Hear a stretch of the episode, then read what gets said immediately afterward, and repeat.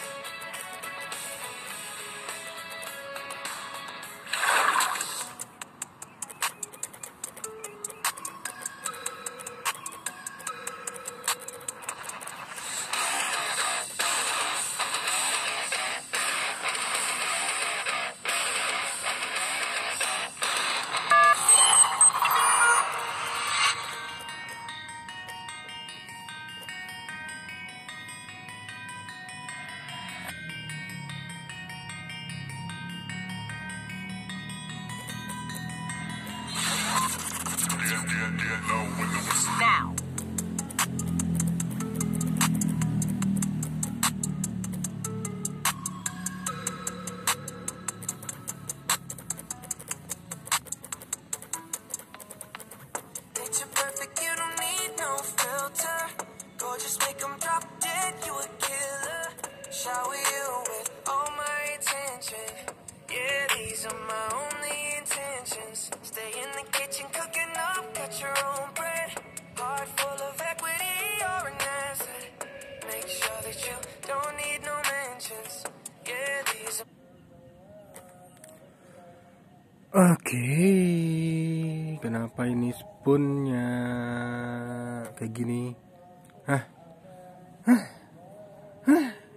Kesel juga gua. Udah buat apa sih namanya teh? Eh, jingle cuman mati-mati. Ya, kayaknya mungkin belum belum ini kali. Belum direstuin gue buat jingle.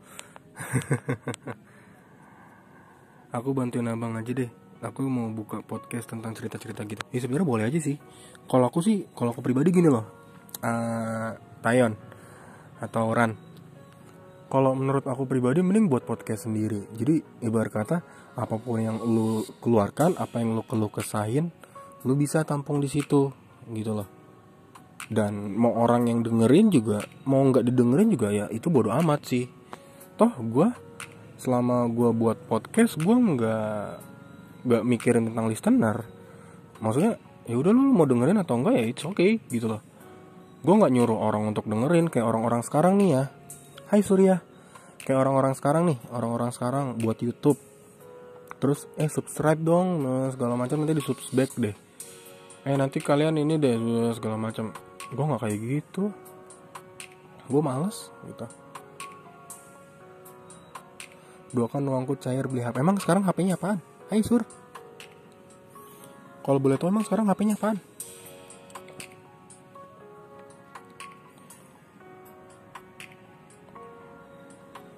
langsung buka akun. Eh waktu itu gue buka akun tuh RAM gue masih 2 giga loh. HP gue masih masih kentang. Sekarang aja gue masih HP kentang gitu loh. Masih Xiaomi Redmi 5 Plus bang RAM masih 3 giga. Masih bisa. Cuman gini kali ya. Kalau menurut aku pribadi data-datanya masukin ke laptop aja yang ibarat kata penting kayak foto, video, or something like that Oh, bang aku mau nanya boleh? Di tema boleh boleh. Di dari tema juga nggak masalah. Santuy aja. Laptopku rusak. Oh alah. Rusak kenapa pamit dulu bang tadi. Oh iya siap. Thank you ya. Nuhun loh. Santuy aja sama gue mah. Bangsat gak mau up seluruh biar ramai. Kagak santuy. Main bersih aja itu kan dari tadi listen apa sih type level naik. Hai Kanovida kepenuhan oh alah. Anjay assalamualaikum. Waalaikumsalam. Novida ini kayaknya sering banget masuk ke rumahku sekarang karena posisi dia lagi nyari room yang benar-benar ngebuat dia tenang. Bener kan Nov? Selamat malam selamat malam juga. Aku baru nge-live kok santai aja Jay kepenuhan. Berarti memang laptop lu yang bermasalah. Entah kena virus entah kena apanya juga gue gak ngerti. Kayaknya kalau misalkan laptop kepenuhan kayaknya nggak deh. Emang lu nya aja yang males untuk bersih bersih data gitu loh. Bener nggak Ran? Itu kan bener kan kepenuhan drakor kenapa lu kompres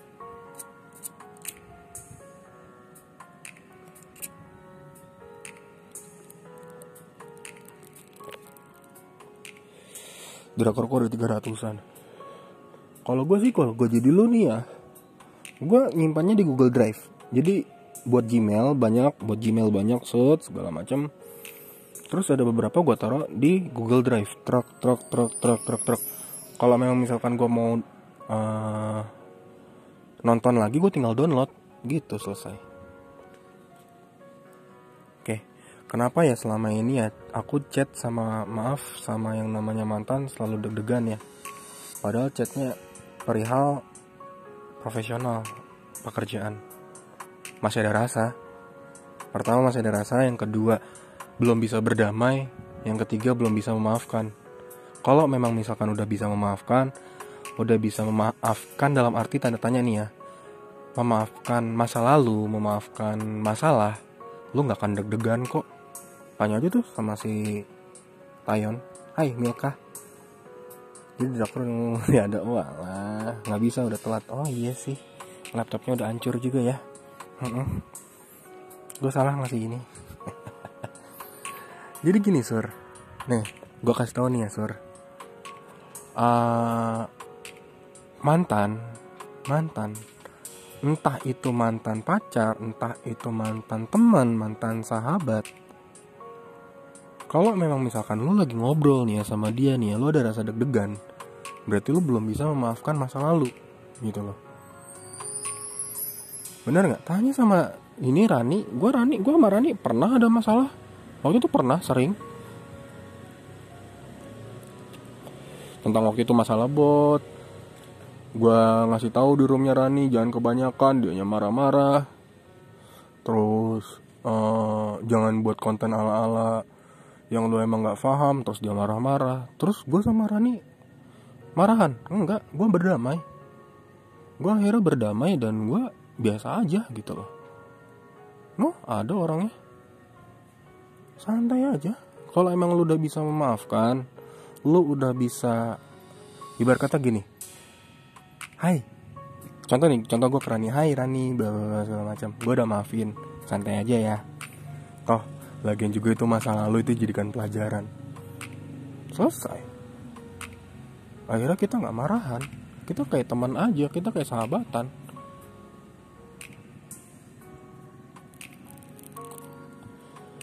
Berawal dari memaafkan Heeh. itu nggak nggak terjadi sama mantan pacar kok. Bisa jadi sama mantan sahabat atau mantan tunangan atau mantan suami atau mantan istri atau mantan temen atau mantan sahabat sekalipun pasti ngerasain kayak gitu. Pasti nggak mungkin enggak kecemasan bahwa kakak belum bisa memaafkan kejadian. Nah tuh benar. Bahkan waktu itu ibarat kata ini ini gue gue relate ya gue relate sama sama masalah nih ya. Dan ini gue sharing mumpung ada orangnya juga. Dan ini juga kita udah saling berdamai juga waktu itu kita juga sempat marah-marahan gara-gara konten psikologi. Terus si Rani sempat uh, ngeba apa sih Rani juga sama si Anissa juga hampir sempat ngebela Lancer gitu loh. Tapi kan gue bilang lah konten gue kan nggak mengarah ke psikologi banget bla bla bla bla segala macam. Mereka semua marah. Teman-teman psikologi marah sama gue terus gue bilang ya kalau memang misalkan lu mau marah monggo. Gue udah memaafkan. Yang jelas kita berusaha lah jadi yang terbaik lah atau kita nggak menyenggol semuanya gitu loh. Lu akhirnya mereka baik-baik aja. Apalagi kalau chatting lama balas. Ya berarti memang lu belum bisa maafin. Belum bisa berdamai. Belum bisa ibarat kata gini loh belum bisa memaafkan diri lu sendiri. Belum bisa berkata iya aku yang salah aku minta maaf ya ngomong itu aja udah udah ngerasa baik kok. Hai Kak Ade. Selamat datang. Bener nggak? Cara masih mengharapkan dia untuk kembali secara halus walau egonya. Nah itu. Depresi. What's wrong with you? Cemas mm. lalu? Lalu?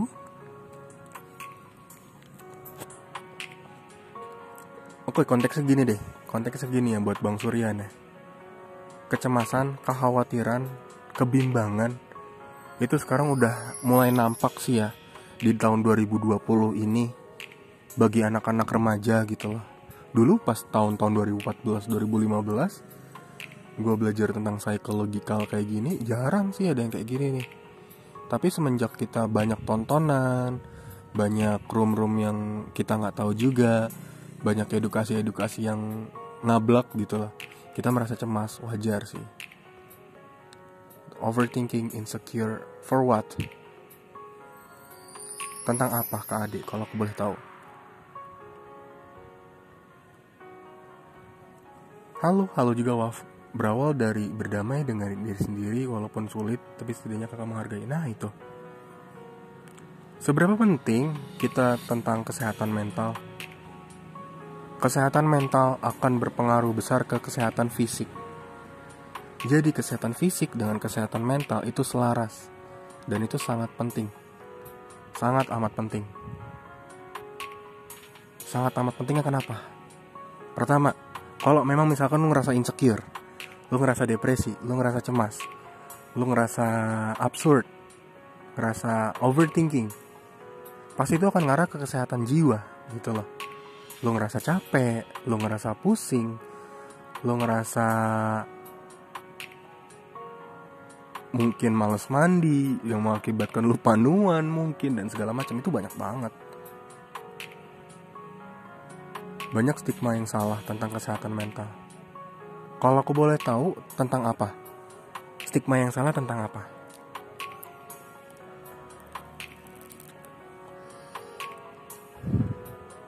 Ibarat kata gini loh, ini benar kata Kak Rani. Kalau mental tidak sehat, begitu juga fisik. Fisik sehat, fisik sehat, itu udah pasti mental sehat. Fisik kurang sehat, berakibat fatal sama mental juga itu berpengaruh saling sinergi. Contoh gini, lu dalam keadaan cacat mental atau keadaan lu habis jatuh, seret segala macam. Terus lu luka. Terus lu kepikiran, lu cemas, lu nggak mau keluar. Segala macam itu juga berakibat fatal. Itu sangat sangat sinkronis gitu. Misal ada yang konseling ke psikiater, oke, okay, lalu hmm,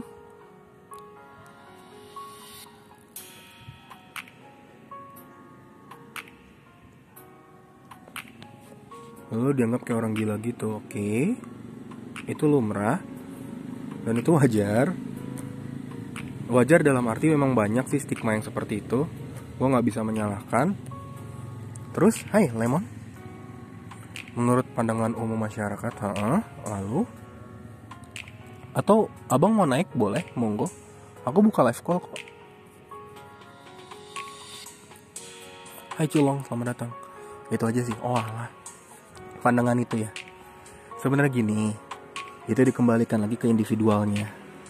Kita sebagai psikolog, gue gua nih, gue nih, gue sebagai hipnoterapis atau psikoterapis, hipnoterapis, praktisi hipnoterapis, tidak bisa atau belum bisa untuk mengarahkan ke arah kesehatan mental yang baik gitu loh.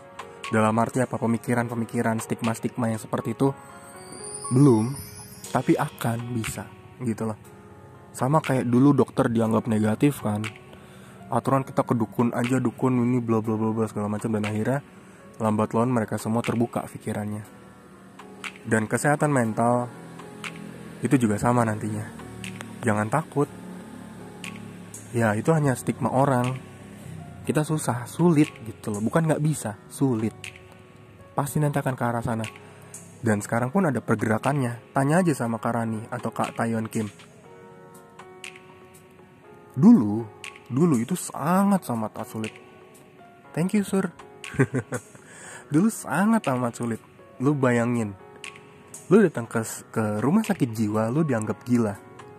Lu datang ke psikiater, lu dianggap nggak waras. Lu datang ke psikolog, lu dianggap beban mental sekarang udah mulai berubah, udah mulai ke arah lebih baik. Halo dok ada psikiater, ada psikolog. Klik dokter ada psikolog, ada psikiater. Terus puskesmas ada psikolog, ada psikiater dan itu murah. Gitu loh. Bisa pakai BPJS juga gitu loh. Itu tergantung kitanya aja. Gue ngerasa flat bang. Flatnya gimana? Kalau gue boleh tahu. kalau gue boleh tahu flatnya gimana ini kita diskusi ya gue nggak mau uh, ibarat kata menjatuhkan atau men, uh, menstigmakan atau mendikte. Cuman ini gue setuju banget. Alex Alexitemia. Oke kalau aku boleh tahu Alexitemia itu apa?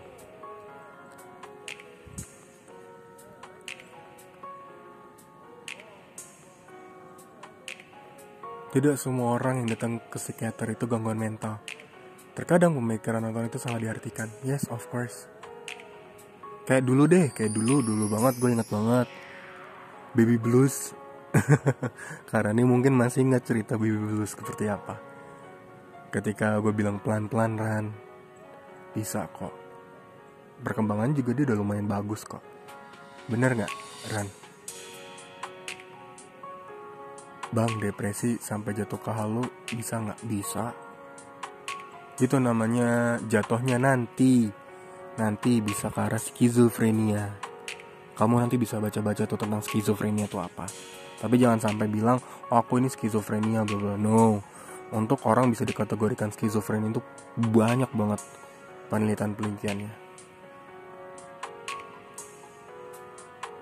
Sulit untuk mengungkapkan emosional emosi datar. Oke. Okay? Alexithymia adalah ketidakmampuan untuk menalikan dan menyampaikan emosi. Udah mendingan. Nah, kan udah mendingan kan? Emosi datar. Nah, kalau emosi datar itu kalau kau boleh tahu itu udah berapa lama Kak Ade ngerasain?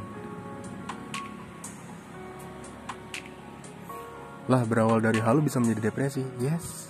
Makanya aku bilang, hati-hati halu ya nggak masalah halu boleh lah halu boleh lah kita kita ber, berimajinasi berhalusinasi tapi jangan sampai berlebihan. Kalau berlebihan fatal ujung-ujungnya.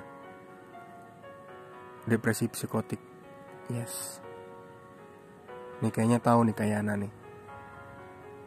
Nggak apa-apa sih santai. Aku nggak nggak mau menjudge atau menstigma ya. Kita diskusi aja ya. Baru-baru ini. Baru-baru ini dan abang udah ke psikiater belum atau ke psikolog belum? Mengenai tentang aleximetia. Alexitimia, yes. kita berempati misal tapi nggak dianggap. Oke. Enggak oh kenapa abang nggak ke psikolog? Padahal ada loh. Ini aku aku kasih referensinya ya. Di situ ada psikolog lumayan dan itu masih gratis. Kamu bisa konsultasi ke sana. Gitu. Dan nggak boleh self self diagnose yes bener. Aku pun yang ibarat kata hipnoterapis tidak bisa untuk yang namanya menjustifikasi. Oh uh, Kak Ade ini tipikal orang yang seperti ini gitu loh. Kak Ade ini cenderung ke arah skizofrenia atau aleximatap susah banget namanya kayak begitu kayak begitu. Enggak tidak. Tapi kita bisa menahan emosionalnya bisa menahan tekanannya itu enggak. Kamu bisa mengkontrol itu semua. Gitu loh. Paham nggak nggak boleh self diagnose tidak boleh self harm oke. Kita jangan pakai kata jangan ya. Kita pakai kata minimalisir. Soalnya apa ketika kita pakai kata jangan otak itu di dalam bawah sadar itu akan mentransformasi oh kenapa sih kita nggak boleh? Kenapa sih kita tidak boleh? Dan akhirnya itu akan kejadian. Kejadiannya apa? 180 derajat berbeda. Kalau aku pribadi di dalam dunia hipnoterapi aku menekankan kata minimalisir atau diganti. Gitu. Assalamualaikum numpang nyimak boleh? Santuy thank you ya ada nyimak ya. Iya nggak apa-apa. Kak Kim kak Rani monggo. Sejauh ini masih bisa dikontrol. Sejauh ini masih bisa dikontrol itu masih belum ke arah sana. Belum ke arah sana. Yang disebut dengan mental illness adalah dirimu sulit untuk mengkontrol bahkan lost control. Lost controlling. Kenapa aku bilang kayak gitu? Tuh ada yang tulisannya kopi ada tulisannya kopi. Dia udah ke psikiater dia udah ke psikolog dan dia didiagnosa bipolar type 2 dan dia bilang sendiri ke aku susah untuk mengkontrol itu semua. Bukan nggak bisa ya susah. Nggak bisa bukan susah nggak beda. Kalau nggak bisa ya berarti dia nggak bisa mengkontrol. Tapi kalau susah dia bisa untuk mengkontrol. Pembahasannya berat banget kagak maksudnya ini tuh kalau aku pribadi kalau aku pribadi aku nggak berbicara gini deh beda pasti beda pasti antara orang yang benar-benar udah menyalami hal ini sama orang yang baru lulus itu beda banget. Orang yang udah lama menyelami dia akan uh, memakai uh, contoh yang ada di sekitar dia dan orang itu ada gitu loh. Tapi kalau orang yang berilmu ya biasanya ya ini menurut pengalaman menurut buku ini bahwa segala macam kan kasihan gitu loh. Tapi kadang aku sih suka anxiety. Anxiety-nya udah berapa lama?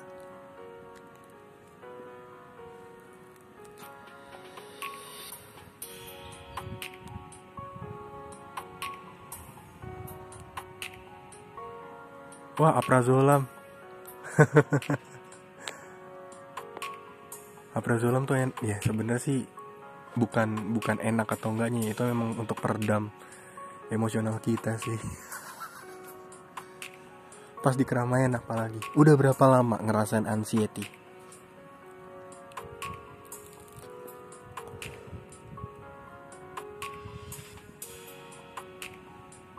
Cemas berlebihan. Iya anxiety itu kecemasan yang berlebihan.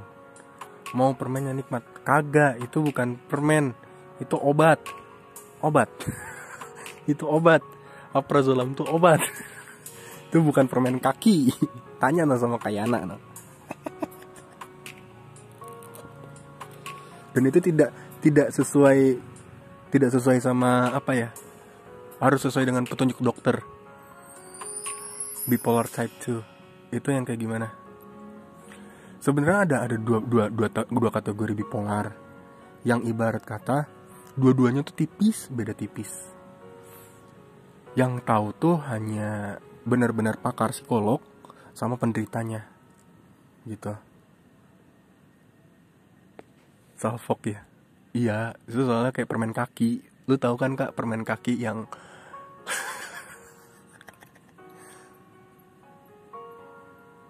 aku pun sering ngasih persian aprazolam biar antem. Iya itu kan ketenangan batin dan juga apa ya stressing out itu bisa diredam melalui aprazolam. Karena aprazolam itu meningkatkan hormonal apa aku lupa. Itu untuk menyeimbangkan hormonal yang kelebihan gitu loh. Aku lupa gitu loh. Kadang-kadang aja sih begitu. Oh gitu. Nah kalau aku boleh tahu nih eh, bang adek anxiety-nya itu timbul sering atau jarang dulu minum 8 sampai 10 nah itu. Biar tenang. Sebenarnya sih yang yang yang lebih parah tuh type 1 type 1 lebih parah. Dia bisa minum sampai 16 aprazolam sampai 20 aprazolam. Teman gua tuh. Ada di spoon. Dan juga ada teman gue yang di spoon tapi udah almarhumah gara-gara bunuh diri. Gitu udah capek minum. Iya udah capek minum. Sebenarnya sih pahit ya prazolam tuh ya. Tapi ya memang untuk menyeimbangkan hormonal gitu loh sekarang udah jarang. Udah berapa lama ngerasain kayak gini bang Ade? Kalau aku boleh tahu ya. Thank you bang Alf. Tap love nya kita bahasanya iya sebenarnya sih berat sih. Tapi kan kita buat sebagai diskusi biar kita sama-sama paham sih ya nggak nggak diskusi satu arah aja diskusi dua arah. Udah berapa lama kak adek Hai kak Naili Omomomo Omomomo Oke.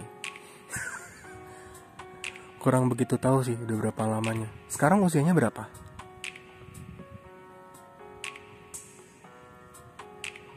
Aku anxiety kalau saldo 0 Kirain anxiety kalau misalkan udah tua udah umur 30 tahun 40 tahun kagak nikah nikah. Amin. 24 tahun, oke. Okay. Berarti kamu ngalamin anxiety-nya nih sekitar 3 sampai 4 tahun ya. Hujan. Nah, hujan dong. Hujan 89. Halo Kak Hujan. Naili omo mo mo mo mo mo. Aku taunya sih utu tu tu tu tu tu tu tu. tu. Anjay diaminin. Kagak kagak. Maksudnya kan gini loh. Uh, Anxiety sebenarnya kan ini kecemasan yang berlebihan.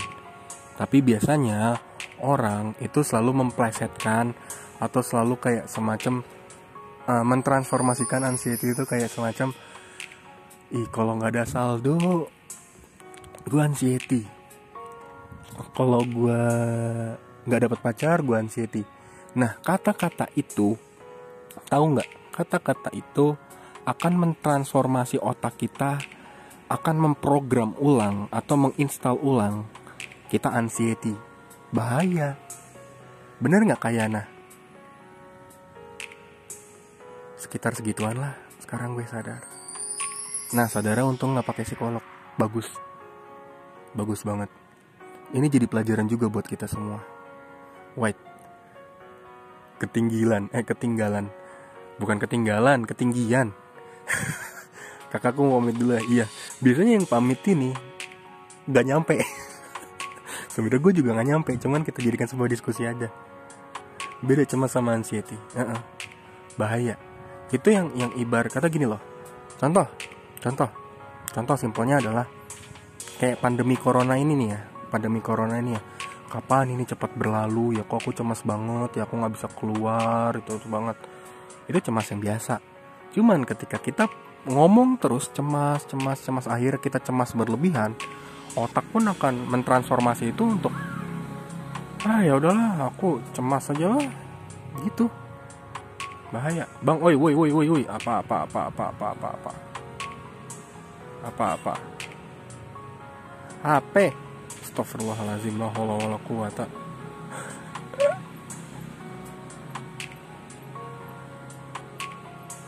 Apa itu anxiety? Singkatnya Singkatnya Kecemasan yang berlebihan. Hai Kalkes Gangguan kecemasan. Yes. Singkatnya adalah gangguan kecemasan. Panjangnya Itu banyak banget. Gangguan kecemasan terhadap kepribadian gangguan kecemasan terhadap orang-orang di sekitar gangguan kecemasan terhadap public speaking glossophobia apa-apa itu banyak banget kategorinya. Sorry ya kang kadang justru gue buat kayak gini biar curhat bro. Justru gue buat biar curhat bro. Karena apa? Nih coba deh lu, lu, lu masuk ke beberapa ke beberapa tempat yang ibarat kata tulisannya adalah curhat dan diskusi. Curhat curhat curhat curhat curhat. Ketika lu masuk ke sana terus lu bingung terus lu ngedapetin apa absurd nantinya. Santuy. Gue nggak enak santuy. Slow kayak nggak tahu aja sih. Santuy bro. Jadi gini loh. Demam panggung disebut an ansietas nggak? Itu beda lagi. Itu bisa disebut dengan glossophobia. Glossophobia itu adalah gangguan kecemasan ketika kita berhadapan dengan orang-orang untuk berbicara di depan umum. Itu memang kadang kita juga hadapi kayak orang-orang yang kayak Raditya Dika, terus Uus, Oprah Winfrey, J.K. Rowling kadang juga mengalami fase kayak gitu. Cuman mereka punya caranya sendiri untuk bisa menga mengatasi hal-hal yang berbau itu. Gitu, Ibi baik. Hai, Ibi. Ada beberapa siklus yang ibarat kata gini loh uh, oh iya gangguan kecemasan.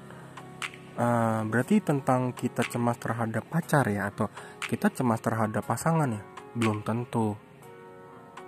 Belum tentu. Kita cemas terhadap orang-orang di sekitar pun juga itu udah termasuk kecemasan. Tapi kalau misalkan kadarnya berlebihan kadarnya berlebihan nih kadarnya berlebihan nih contoh kayak kakes nih. Kayak kak kak kak. Susah banget sih namanya Kak Kalkes atau um, Kak Ibi. Nah Kak Kalkes atau Kak Ibi atau Kak Nimas itu merasakan bahwa oh iya aku takut nih kalau bertemu dengan orang-orang di sekitar. Itu kan juga berlebihan. Kenapa mesti takut sama orang-orang? Itu kan mesti dikasih mesti ada semacam hipotesa ada penyelidikan lebih lanjut gitu loh Bener nggak? Ah, I see, yes. Takut akan masa depan yang belum terjadi nggak masalah itu wajar. Wajar. Tanya aja sama Kak Yana. Emang kita peramal atau kita dukun? Kita tahu masa depan kita seperti apa? Kita meninggal di usia berapa? Iya kita paham. Itu semua ada di lahir mahfuz. Dalam kita di rahim apa segala macam. Cuman takdir itu ada bisa dipercepat atau bisa diperlambat tergantung dari kitanya sendiri gitu loh. Hai Juli, oh nama kamu ganti sekarang Jul, jadi nama asli. Bang, orang yang lagi cemas, stres, malah dengerin yang melo-melo, itu bukannya bikin tambah parah ya? Tergantung orangnya bro. Kalau memang misalkan orang itu mau mendengarkan uh, lagu-lagu kayak gitu terus dia merasa lebih tenang, it's okay. Atau kita ngerasa depresi terus kita dengar K-pop gitu terus kita jadi tenang. Itu oke okay. setiap orang punya penanganannya sendiri-sendiri. Kayak Kak Juli contoh. Kak Juli dengan dia ngomong dengan orang-orang di sekitar dia insecure contoh. Terus dengan dia mendengarkan lagu atau dia mendengarkan uh, drama Korea atau musik atau apa pun dia merasa menjadi tenang ya nggak masalah gitu tiba-tiba jadi melankolis. Nah yang jadi pertanyaan melankolis apa sih? Gitulah nah aku tuh bingung kalau di keperawatan ya cemas gara-gara mau operasi aja disebut ansietas. Kalau berlebihan itu disebut ansietas. Tapi kalau biasa aja sih bukan ansietas atau anxiety disorder. Nah tapi yang disebut anxiety disorder itu ketika itu dilakukan secara berulang-ulang dan itu benar-benar ngerasa gugup cemas itu dan itu dirasakan selama berulang-ulang dan itu benar-benar ngerasa lu ngerasa gimana ya mati kutu atau stuck di satu tempat gitu loh. Bener nggak? Nah itulah stigma orang luar. Kita lagi yang cemas dengerin yang mellow di saut-saut aduh. Makanya sih itu tergantung kita sih. Ibarat kata gini deh Kak Yana nih Kak Yana yang udah paham tentang anxiety disorder, glosofobia, skizofrenia, psikopat sekalipun, beliau pun juga ibarat kata masih masih mempelajari juga gitu loh. Tapi ketika ada pemikiran dari orang-orang di sekitar yang baik diterima, yang jahat kita edukasi gitu loh. Bener nggak Kak Yana? Kayak gitu. Tidak, tidak seperti itu. Oh salah. oh tidak, saya bukan profesional. Enggak, maksudnya gini loh kak. Maksudnya, ah gimana sih bahasanya ya? Kan kakak paham nih. Kakak paham nih, kakak paham yang seperti itu. Kakak paham yang seperti itu nih. Kakak kalau ada sesuatu hal yang baik kan kakak terima toh. Kalau yang tidak baik dilawan toh. Bener nggak? Bukan dilawan, tapi lebih tepatnya uh, diedukasi lah atau dibuang lah. Bener nggak? Hai JK, Hai Rasti, selamat datang. Assalamualaikum warahmatullahi wabarakatuh. Hai Bangsat, iya. Eh menurut abang apa apa itu seseorang yang disebut narsistik? Narsistik, simpelnya, ini bahasa simpel ya. Dia narsis untuk kepentingannya pribadi. Kepribadiannya tuh meningkat. Uh, hai apa kabar? segala macam. Untuk kepentingannya dia pribadi dan mengindahkan atau tidak mengikuti kaidah-kaidah atau norma-norma yang ada. Gitu. Waalaikumsalam warahmatullahi taala wabarakatuh. Hai Rasti, selamat datang. Saya udah perawat aja masih minim ilmu. Gua aja profesional hipnoterapi aja masih minim ilmu. Bang bahas skizofrenia dong. Sebenarnya gue pengen pengen bahas tentang skizofrenia. Cuman itu perlu gue dalamin dulu ya. Perlu gue dalemin perlu gue cari tahu juga dan ini bisa jadikan sebuah pelajaran juga sih. Gitu loh. Jaringan jelek amat. Nggak apa-apa Jul. Santai aja Jul. Juli nggak nge-live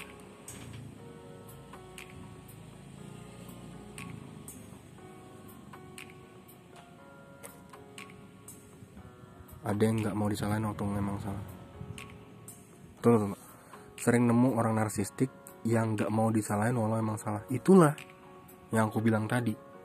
Narsistik itu sesuatu hal atau seseorang yang bener-bener dia kayak ngerasa Hai apa kabar? bla bla bla segala macam. Dia menabrak norma itu semua.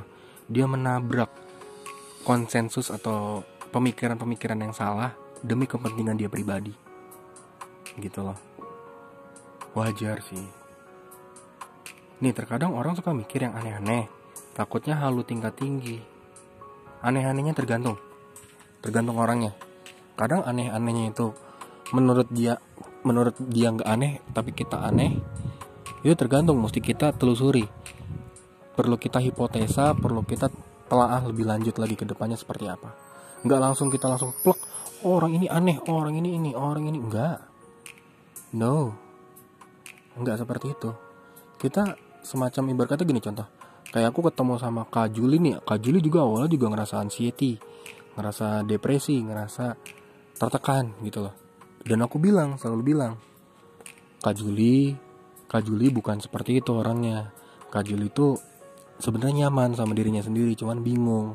Coba deh Kak Juli lebih bersyukur Kak Juli lebih ngerasa aware Kak Juli ngerasa jauh lebih baik itu kan bener-bener ada buat dirinya Kak Juli. Look Kak Juli jauh lebih baik gitu loh. Bener nggak? Hai Carlos. Ini pasti di, di, dialami oleh orang-orang. Nggak nggak dialami oleh satu dua orang. Banyak. Tentang anxiety kecemasan tentang halu dan lain sebagainya gitu loh. Bener nggak? Hai Carlos. Apa kabar Welcome on board Garuda Indonesia. Jadi gitu. Jadi jangan takut untuk ibarat kata oh aku ngerasa kayak gini ya. Aku ngerasa kayak gitu ya. Aku ngerasa seperti ini ya. No. Jangan self harm jangan self injury jangan self judging oke jangannya dihilangin. Minimalisir self harm minimalisir self injury minimalisir kamu menyakiti diri kamu sendiri. Itu akan ngebuat kamu jauh lebih baik. Bener nggak? Kayak Kak Ade nih kayak Kak Ade sekarang nih. Kak Ade katanya kan pernah di masa-masa dulu beliau merasakan anxiety disorder beliau mengalami tekanan yang hebat beliau mengalami psikis yang hebat gitu loh. Tapi ketika beliau menurunkan kadar self harmnya dia menurunkan kadar self injury-nya dia eh bukan self injury. Self diagnose dia menurunkan kadar itu dia akan jauh lebih membaik. Karena apa? Alam bawah sadarnya dia alam bawah sadarnya dia akan mentransformasi itu jauh lebih baik lagi ke depannya. Gitu. Ini selaras antara alam bawah sadar dengan kepribadian yang kamu alamin nantinya. Gitu. Gue sering insecure gara-gara postingan orang-orang makanya sekarang lebih milih untuk bodo amat tepat atau tidak tepat itu dikembalikan lagi ke individualnya. Kalau menurut aku itu udah tepat. Cuman jangan bersikap bodoh amat. Kamu bolehlah bersikap bodoh amat sama orang-orang yang kamu tidak kenal. Yang kamu tidak kenal kamu nggak masalah lah. Ya dia siapa? Dia berkontribusi nggak dalam kehidupan gue gitu. Tapi kalau memang misalkan sama orang-orang yang dikenal minimal sahabat relasi rekan kerja. Pelan-pelan. Berikanlah dia edukasi. Berikanlah dia pemahaman sesuai dengan pemahaman yang kamu menurut kamu benar. Itu juga akan melatih kepekaan kamu juga. Serius nih gue gue awalnya juga gitu bersikap bodoh amat. Gue nggak mau ah dengerin orang-orang ah mereka ya udahlah itu masalah mereka bukan masalah gue gue nggak mau dengerin. Tapi ketika gue berusaha untuk mendengar gue berusaha untuk yuk sama-sama semangat kita bisa. Itu akan jauh lebih peka lagi ke depannya. Gitu. Bener nggak? Setuju nggak? Kayak kak Naili nih kayak kayak kayak, kayak kak Naili nih. Kak Naili pasti merah merasakan seperti itu. Kak Naili nggak peka kak Naili ngerasa depresan depression. Kak Naili ngerasa bodoh amat. Kepekaannya kan akan turun. Tapi kalau kak Naili berusaha untuk Hai apa kabar kamu kenapa sih? Ya aku mau dengar cerita kamu dong. Oh gitu? Eh kamu udah coba ini belum? Itu kan timbul rasa kepekaan yang ting yang lumayan gitu lah. Tapi emang dulu pernah self injury bang. Hmm, nyakitin diri sendiri di fisik. Itu namanya self harm itu namanya self harm setuju? Tapi susah. Kayak suka ngerasa sendiri gitu. Nah itu. Sakit fisik sama sakit mental itu memang selaras tapi kita bisa memperbaiki minimal dari diri sendiri. Gitu loh. Kenapa aku bilang kayak gitu? Contohnya adalah kayak bersikap bodoh amat. Itu memang perlu penting. Tapi namanya juga ada plus ada minus ya. Plusnya adalah kita jadi nggak tahu nih. Kita jadi uh, minim tentang pengetahuan pengetahuan minusnya adalah kita merasa tidak peka. Sulit untuk merasakan sulit untuk mendengarkan sulit untuk ini apa sih? Oh ini apa sih? Ih, ini kayak gini ya? Ih, ini kayak gitu ya? Kayak gitu. Beneran deh asli deh. Gue dulu ngerasain kayak gitu. Tapi ketika gue ngerasa ih kok kayak gini ya? Ih kok malah enak ya? Kok gue dengerin orang gue jadi dapet tambah ilmu ya? Kok dengerin orang jadi tambah pengetahuan ya? Ah gue coba lagi ah. Gitu.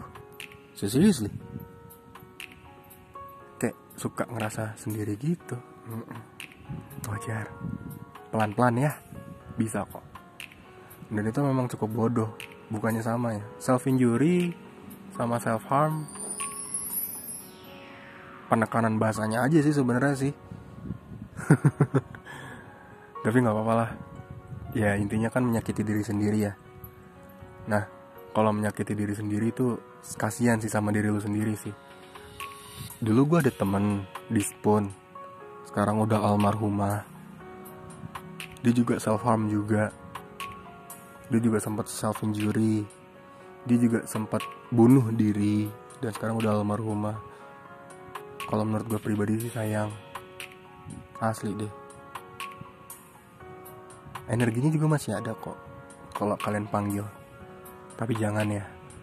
Berusaha untuk jadi yang terbaik aja.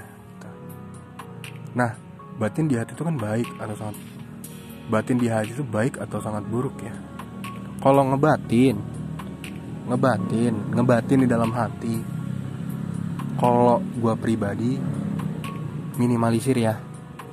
Minimalisir ngebatin. Kenapa gue bilang kayak gitu? Nih mungkin bagi anak perawat paham ya. Mungkin bagi anak-anak perawat atau anak-anak kesehatan masyarakat paham nih ya.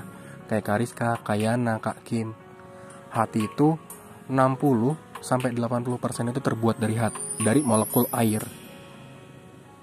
Dari molekul air. Terus, nah, kalian tahu atau kamu tahu nggak tentang the magical of water? The magical of Yes, the magical of water. Jadi ketika lu berdoa sama air, molekul airnya akan berubah jadi kristal yang sangat cantik, sangat ciamik, sangat hebat. Tapi ketika lu ngehujat, ketika lu ngehujat, itu partikel-partikelnya akan rusak. Sama kayak hati. Minimalisir ya. Bener nggak? Tanya aja noh sama Kayana, Kak Rizka, Kak Kim. Pasti sama. Nah, sakit batin akibat insecure atau sakit hati pasti otomatis jatuh ke batin makanya aku bilang minimalisir minimalisir hal-hal yang seperti itu susah memang gue paham susah. Gue juga merasakan. Sampai detik ini pun gue juga merasakan. Ngebatin atau apa tapi ketika lu udah ngerasa normal lu udah ngerasa normal coba tulis. Kenapa gue bisa kayak gini? Tulis kenapa lu bisa seperti ini? Terus lu coba untuk bisa oke okay, gue memaafkan diri sendiri gue berusaha untuk ngelakuin yang terbaik. Gitu. Halo selamat malam hal yang ramai. Hai nyet. Kadang di kepala gue itu suka muncul banyak pertanyaan bang terus suka ngerasa resah gitu. Apa yang gue rasain normal gitu. Normal atau enggak tergantung dari diri lu sendiri. Tapi kalau gue nih kalau gue jadi lu nih ya kak kalau ada pertanyaan di otak pertanyaan yang ada di pikiran gue tulis. Gue tulis oh kesalahan gue apa atau pertanyaan gue apa? Gue tulis di kertas jangan tulis di HP kenapa gue bilang kayak gitu? Ketika lu tulis di kertas itu kayak lu semacam ngelatih otak lu otak kanan lu dan otak kiri lu. Segala macam lu tulis. Terus ketika ada pertanyaan-pertanyaan ya tulis aja terus. Tulis di sana. Kalau misalkan udah selesai lu baca. Lu jawab sendiri. Oke kalau udah dijawab sendiri lu simpan di dalam buku diary dan itu akan berakibat yang positif buat diri lu sendiri. Bener nggak? Tanya no sama Kana. Bang Sadi merubah mindset iya nggak apa-apa kok, nggak usah ribet itu gimana? Nah sama kayak tadi, sama kayak tadi. Ibar kata kamu make floor dulu, masalahnya seperti apa? Make floor, make floor itu dalam arti pecahkan dulu. Oh masalahnya kayak gini, kita selami dulu masalahnya. Ya nggak apa-apa kok, nggak usah ribet. Kenapa dibilang nggak usah ribet? Kenapa orang-orang bilang kayak gitu? Kita make floor dulu, segala macam. Kan orang-orang juga nggak ada yang tahu masalah kita atau masalah orang lain kan kadang beda, kadang sama. Terus caranya gimana bang? Kan ini pandangan orang. Ya udah, kalian bersikap bodoh amat untuk hal-hal seperti itu. Tapi bagi diri sendiri, kita cari masalahnya gimana. Kita cari solusinya seperti apa. Bener nggak? Setuju nggak? Itu pasti dijalanin. Tanya tuh sama perawat. Perawat juga sama kok kayak gitu. Dia bawa buku catatan tebel buat apa? Ya untuk memflorkan pasien ini penyakitnya apa. Pasien ini kenapa? Pasien ini gimana? Kan ada pertanyaan, ada jawabannya. Di metflorin, nggak disimpan dalam otak.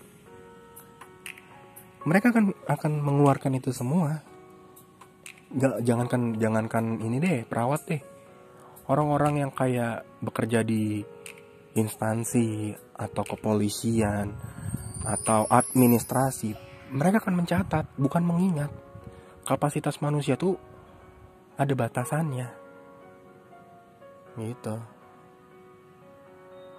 Ada beberapa hal yang gak bisa kita kontrol. Contohnya pandangan orang lain.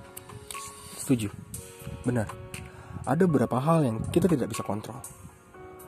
Ada beberapa hal yang bisa kita kontrol.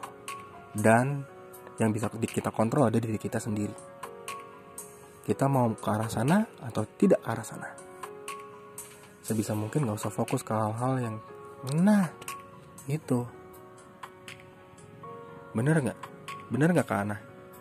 setuju dong karena dong ibarat kata gini kita tidak bisa merubah mindset seseorang kita tidak bisa merubah stigma seseorang kita hanya bisa berusaha untuk mengedukasi orang-orang di sekeliling kita itu nggak baik loh.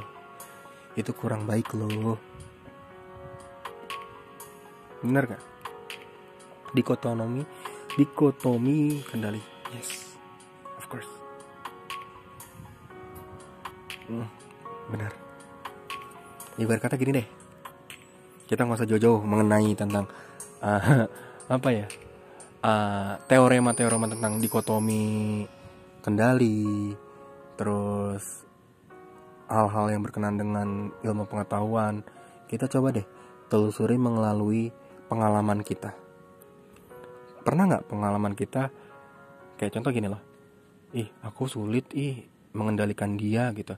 Kok tapi kayaknya aku bisa deh untuk uh, belajar untuk memahami dia menyemangati dia mensupport dia sampai dia berusaha untuk jauh lebih baik.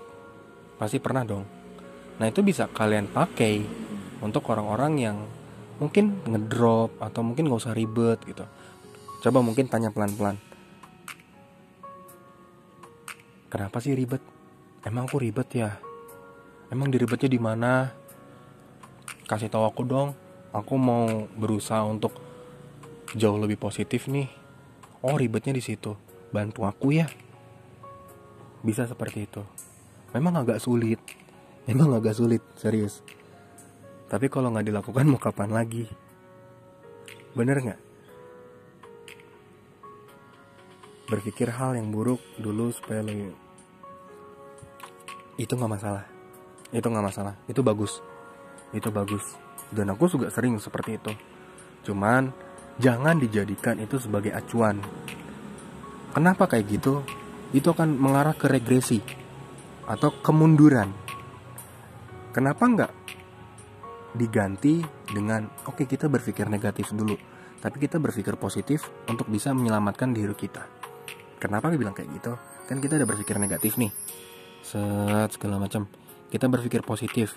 Contoh berpikir positifnya adalah aku mau hebat aku mau kuat. Kita pikirin itu untuk bisa ke arah lebih sana. Setuju nggak? Bener dong.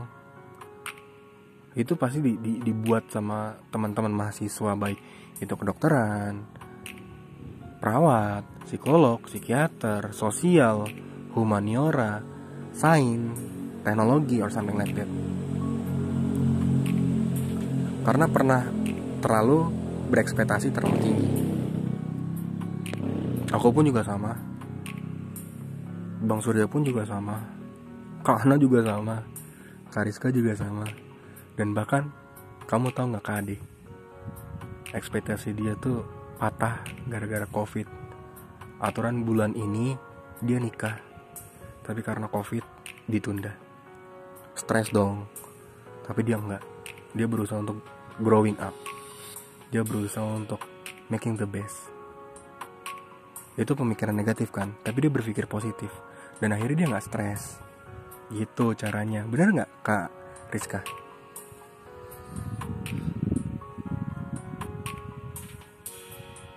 pas gagal lebih lama sembuh. Iya. Kalau kita menyadari itu gagal dan kita ngedown itu akan lebih lama sembuhnya. Sat, iya benar. Hai Bangke, selamat datang. Tuh, si? Itu ekspektasi dia yang tinggi.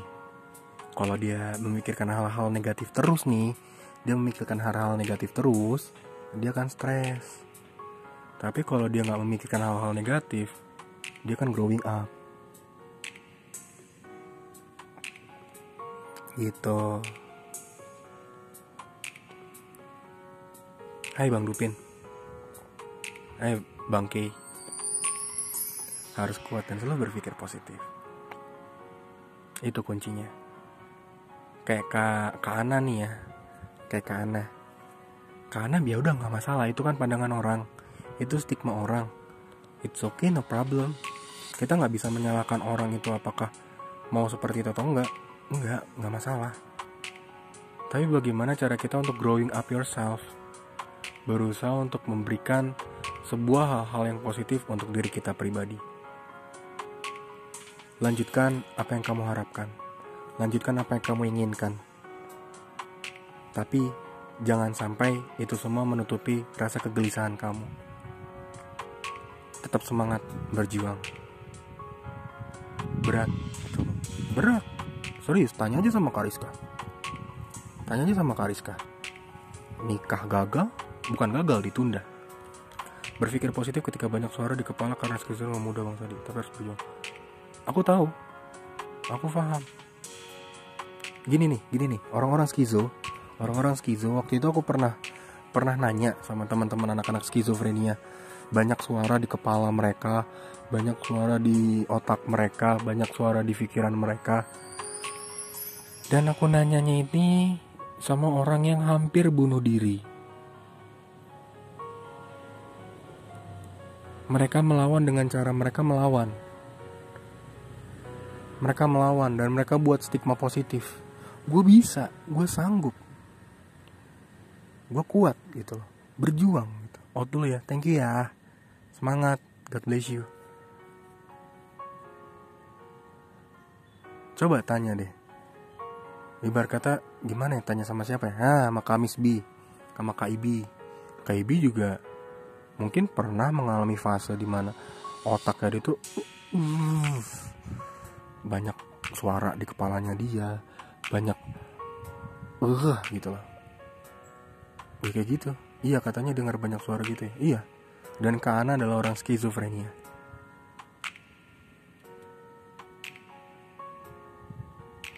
Kana mau naik? Satu pasti kaget. Kok bisa? Kok gini? Iya. Karena mau naik.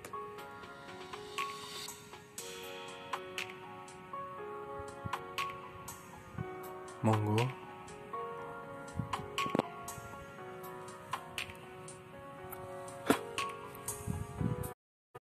Gimana? Selamat malam. Iya. Gimana gimana? Apa ini gimana? Kok kan kayak tadi, iya kan di pikiran kita kan selalu banyak pikiran, selalu banyak tekanan, selalu banyak suara. Tapi bagaimana caranya untuk ngelakuin? Biasanya lo ngelakuin apa? Terlebih suara yang aku dengarkan itu sifatnya commanding atau nyuruh. Oh berarti ini udah lama ya ibarat kata Iya. lo ngalamin fase ini sebelum Benar. lo ngerasain kayak gini di dunia nyata. Benar. Yep. Set. Dan, dan bawaannya selalu pengen menuruti karena sudah terlalu lama suara-suara tersebut di Oh. kepala. Tapi itu sulit. Habis nangis ya? Oke teman-teman, gue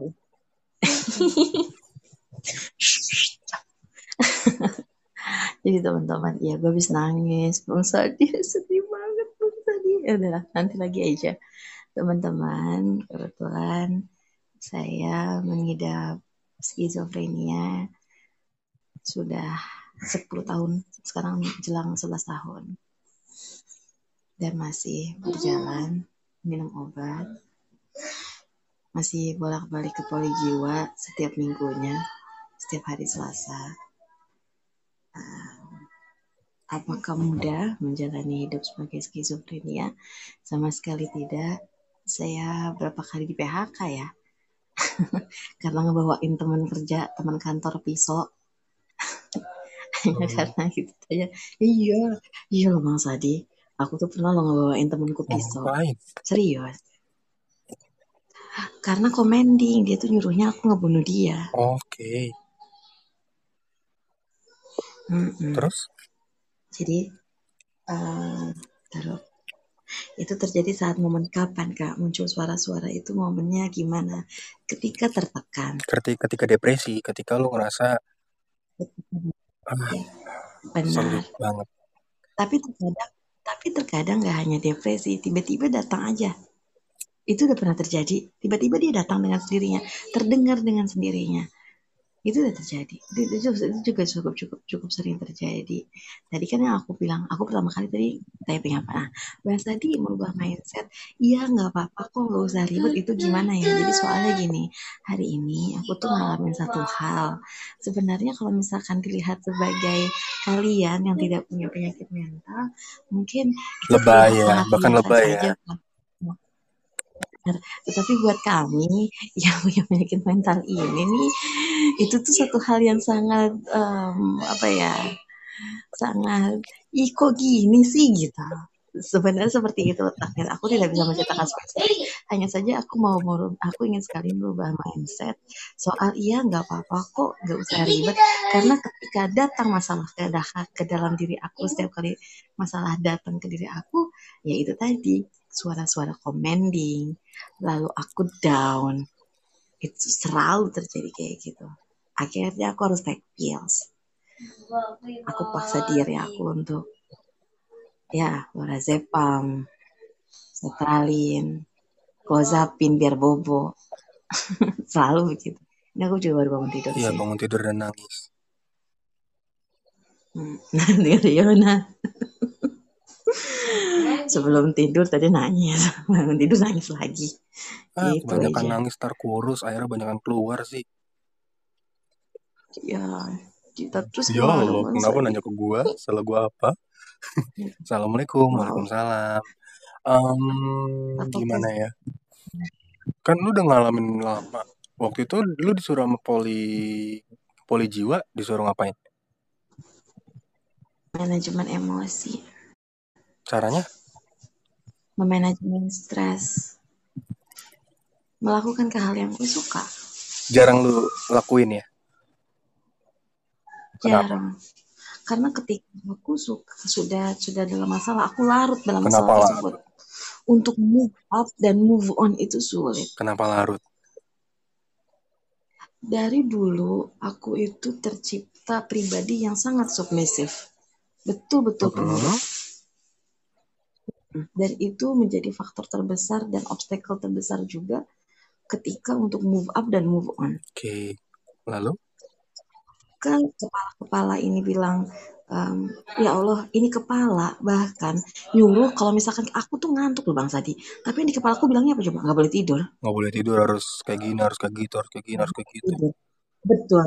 Nggak boleh tidur. Itu suara terbesar yang terdengar nggak boleh tidur. Aini. Iya Aini ya Allah Aini kalau mau nanya-nanya monggo nih kita kita berusaha untuk ngebuka room edukasi tentang skizofrenia dan banyak banget orang-orang yang nanya tentang skizofrenia tapi orang-orang menganggap skizofrenia itu adalah eh, kejiwaan yang biasa aja gitu. Bener nggak sih?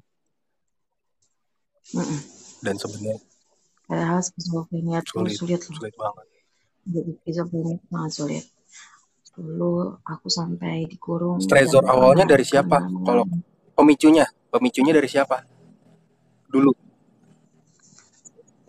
Sedih loh keluarga. Stresornya awal dari siapa? Kalau dirimu pribadi? Oh, keluarga keluarga. keluarga. Keluarga itu sendiri. Sedih ternyata. Kenyataannya sedih. Ketika keluarga ternyata menjadi orang pertama yang membuat aku seperti ini. Setelah diobservasi aku itu di divonis skizofrenia itu di umur 19 mau 20 sekarang usiaku sudah 31 hampir 31 tahun. Wow. Ternyata dan itu menjadi kece kekecewaan paling dalam ketika kita tahu seseorang keluarga yang seharusnya melindungi, mencintai, menyayangi, malah menjadi pemicu terbesar kita mendapatkan penyakit mental. nggak sehat sih sedih kagak ada urusannya gue kagak sehat Gah, gah, Astagfirullahaladzim Kagak ada urusannya gue gak sehat sama sama Kak Ana jadi skizofrenia Terus Kak Ning jadi skizofrenia Kagak, kagak ada urusannya Bener gak sih nak? Iya benar. Kagak ada urusannya. Tapi ya malum lah mungkin menurut orang-orang kan kayak skizofrenia itu kan kayak cuman omongan-omongan di kepala gitu loh Tapi sebenarnya itu lebih dari omongan-omongan di sekitar Dia tutup kuping, tutup telinga, tutup mata pun juga masih kedengeran gitu loh Betul. Oh, betul. Ter- Maaf, maaf nggak sehat sih bangsat. Iya nggak sehat, gua nggak sehat. Astagfirullahaladzim. semangat ya karena terima kasih banyak dan terlebih em, puncaknya adalah em, aku melihat sosok yang tidak bisa orang lain lihat sosok tersebut Dirimu indigo. bukan Oh, lalu? em, kata psikiater dia adalah masa laluku Oke, paham. orang-orang nggak bisa lihat dia tapi aku bisa lihat dia Kayak ini ya proyeksi masa lalu ya, proyeksi. Oh, dulu gue kayak gini akibatnya kayak gitu segala macam gitu ya. Bukan halu, ini proyeksi. Beda, halu sama proyeksi beda. Bener gak sih, Nak? dia kalau buat aku sangat nyata aku bisa peluk dia saat dia boncengan sama aku di atas Dia, motor dia iya peluk dan ngerasain, aku dan pasti ngerasain. Gitu. Apakah bisa sembuh? Bisa sembuh atau tidaknya itu tergantung dari orangnya. Kalau bagi psikiater, psikolog, dan hipnoterapi itu disebutnya manajemen diri. Benar nggak sih kak? Kalau kata psikiaterku sih Iya, sulit, sulit. Cuman dengan cara sulit. manajemen diri itu bisa ngebuat kita jauh lebih baik. Aku cuman diminta sama psikiater aku untuk menemukan kelemahan dari anak ini. Jadi 10 tahun aku melihat dia, dia emang tidak pernah tumbuh. Pertanyaan terbesar psikiater aku itu, apakah dia tumbuh? Apa dia tetap tetap menjadi anak yang sama di umur SMP? Apa masih itu sampai sekarang, sampai detik ini? Dan aku Oke, jawab sip. ya. Tapi berarti dia itu bukan seseorang. Dan kamu harus mencari kelemahan dia untuk memutus dunia kamu dengan dunia dia. Karena terus terang aku udah empat kali ganti motor karena nabrakin diri aku untuk melindungi si anak ini. Oke. Hmm. Pemicu-pemicu untuk bunuh diri itu ada setiap hari kawan-kawan. Selalu ada. Bahkan banyak ya. Misalkan bahkan sering banyak dalam hal apa pun. Tidak hanya membunuh diri, tetapi membunuh orang-orang sekitar pun juga. Abangku pernah ku bekep pakai bantal ketika dia tidur. Dan dia tidak melawan karena emang posisi tahu. Betul sekali. Dia malah lebih memeluk. Cuman emang ujung-ujungnya aku dikunciin lagi di kamar. Iya, dengan cara ngunci di kamar dia ngerasa jauh lebih tenang. Yap. Dia ngunciin aku di Itu kamar. siapa yang ada di pikiran? Dia sendiri. Jadi gini loh. Ah, kebanyakan, kebanyakan, bukan semuanya ya, kebanyakan. Berarti ibarat kata 50 sampai 60% lah ya. Orang-orang yang mengalami skizofrenia itu berawal dari masa lalunya yang benar-benar bukan dibilang kelam sih lebih tepatnya berbeda dari orang-orang kebanyakan. Dan dia merasakan hal itu. Bener nggak? Yap. Aku pernah ngegantungin ngegantungin keponakan aku di kusen pakai tali hordeng. Seriously? Yap. Kalau nggak ketahuan sama teteh pembantu rumah tangga yang kerja di rumah, mungkin aku udah nggak punya keponakan lagi. Bukan. Aku melakukan itu Dan itu bukan psikopat loh. Psikopat beda lagi. Mungkin menurut orang-orang dengan kayak gitu tuh jadi psikopat. Enggak, psikopat beda lagi. antara sadar dan nggak sadar melakukan Diambang. itu. Ketika commending, commending itu tadi, commending yang ada di pikiran, dia nyuruh. Ibarat kata kalau bagi orang awam atau orang normal itu posisi ngantuk. Bener gak sih? Ya, bisa jadi. Aku sulit mama. Me- apa ya menjabarkannya. Tapi itu antara sadar dan tidak sadar melakukan hal tersebut. Karena ketika kepala itu berkata mereka itu mengganggu simple anak-anak itu berisik dan aku nggak suka maka yang di kepala berkata kenapa nggak kamu bunuh aja biar diam itu yang di kepala aku bilang bunuh aja biar diam biar dia diam bunuh saja seperti emosi yang tidak terkontrol. Jadi yang ada di pikirannya jalani aja. Iya, begitulah anak-anak skizo. Jadi sebenarnya bukan dia tidak bisa mengkontrol, sulit. Belum bukan belum ada jalannya ya. Sebenarnya dia pengen, cuman ke arah sananya ke arah sananya juga sulit gitu. Bener nggak? Iya, iya. Sebenarnya dia pengen, cuman hmm, kok gak bisa gitu loh. Gedek sendiri jadinya. Ya, akhirnya mundur lagi, mau maju akhirnya mundur lagi. Begitu tuh, kurang lebih sulit untuk berpikir seperti itu. Pikir, um, apa ya, aku tuh fun aja. Ya ini semua tuh.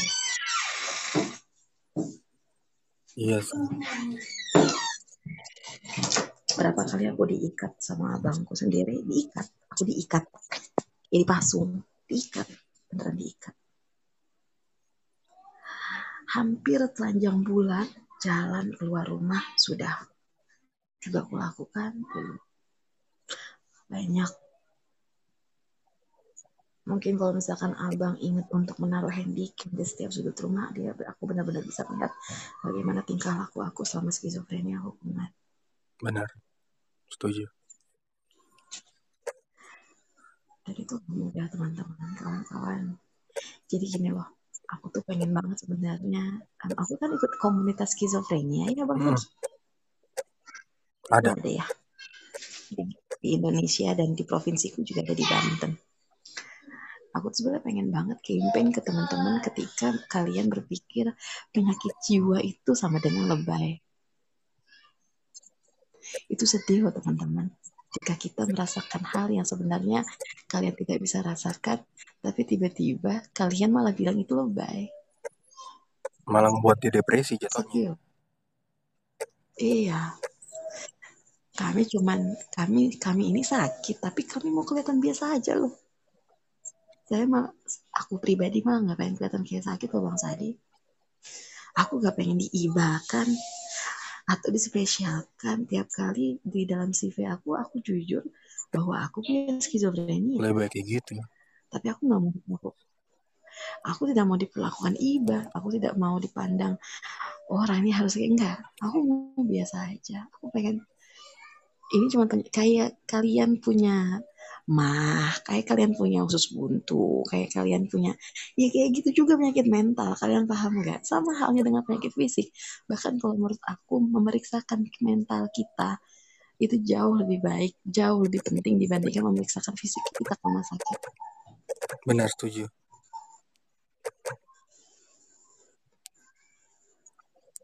aku yakin Bang Sadi udah ketemu banget banyak pasien skizofrenia.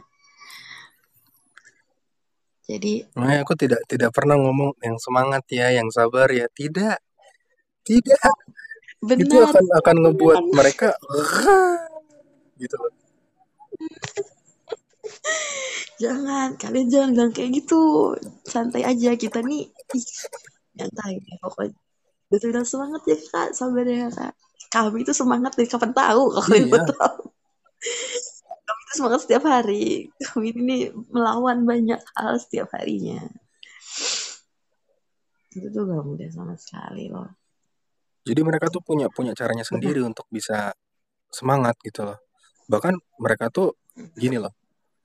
eh, cara yang paling tepat untuk menyemangati mereka adalah kamu tuh sebenarnya nggak sendiri. Kamu tuh ada di sekeliling orang-orang yang sama seperti kamu.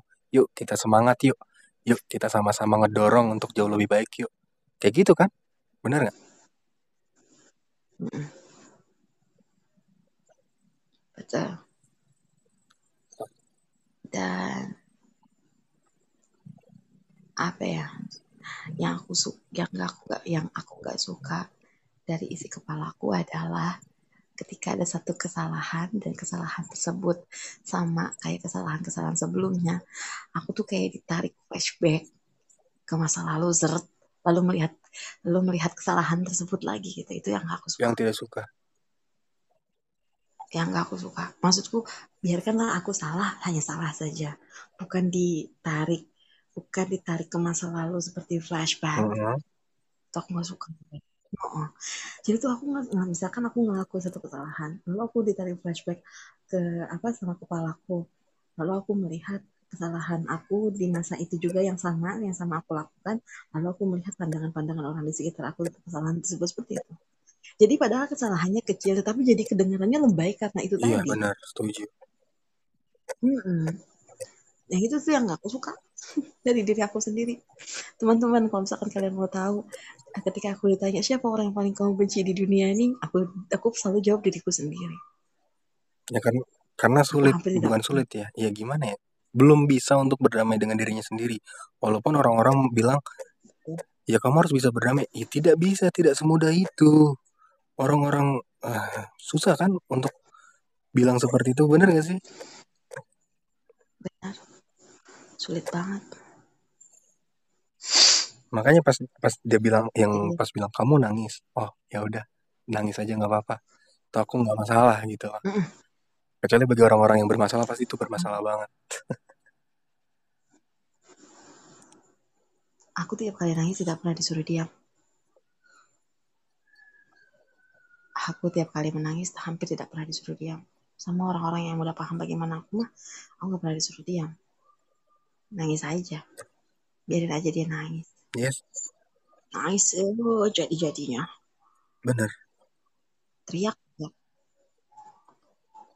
jangan udah shh, shh, shh, jangan nangis jangan nangis. Itu tuh aku tuh Benci. paling benci Hmm. terus nggak suka. Orang aku pengen nangis paling ibarat kata cuma dirangkul. ya ayo udah kamu nggak apa-apa nangis dah semangat semangat. Dah nggak apa-apa kamu nangis aja. Pasti digituin aja kan? Bener gak Ya aku pengen bilang di peluk ma abang. Udah udah udah udah udah gak apa-apa kok. Gak apa-apa ya nangis nangis nangis gitu. enaknya Nangis. bisa ngelepasin emosi ya begitulah bukan bagi cuman bukan bagi orang skizofrenia ini bisa dijalankan untuk orang-orang yang normal pun sekal orang normal sekalipun ibarat kata melepaskan emosional bukan cuman bagi orang-orang skizofrenia bener gak sih Benar.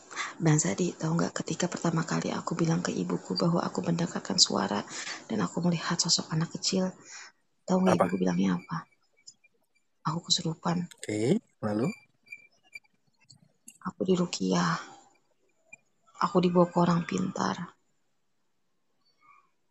Sedih loh Bang Sadi. and then aku jadi berpikir selemah dan se tidak tahu itukah orang Indonesia bahwa kita punya psikiater, psikolog atau poli jiwa yang bisa menangani penyakit mental karena hal yang tidak hal yang seperti itu tidak selalu soal keimanan. Tetapi ada ada salah, ada yang salah dengan otak kita gitu. Meditasi menjadi salah satu em, salah satu cara untuk kita untuk mengendalikan emosional Benar, benar. Tetapi tidak 100% meditasi seperti ibadah atau yang lain kan enggak. iya ustadz aja bisa depresi kok Nah, aku pernah di borgol ya sama. Aku juga pernah. Kayak di Pasung dulu tuh aku pernah. Aku pernah di masa kayak gitu tuh. Aku kayak di Pasung. Sedih loh. Yep. Jadi teman-teman, Ya nggak nangis ah. apa-apa sih. Kalau kalau aku pribadi ya ya room room gue tuh tidak pernah untuk memaksakan orang untuk nangis sih. Kayak gimana tahu sih buset dah. Gue nggak pernah orang menyuruh untuk curhat tidak pernah menyuruh orang untuk cerita. Ya itu biarin itu ngalir gitu aja gitu loh. Memang ibarat kata di Indonesia belum paham tapi kalau aku mempelajari ini selama kurang lebih 5 sampai 10 tahun udah jauh lebih baik kok bener gak sih tentang pemahaman-pemahaman Ya, ha-ha. sudah banyak sekali pengetahuan-pengetahuan soal ini. dan kuliah-kuliah psikologi jauh udah lebih merambah ke hal-hal yang lain. Psikologi ekonomi bahkan lo tahu itu kak Ana dia penyiar tapi dia chef. Bayangin coba.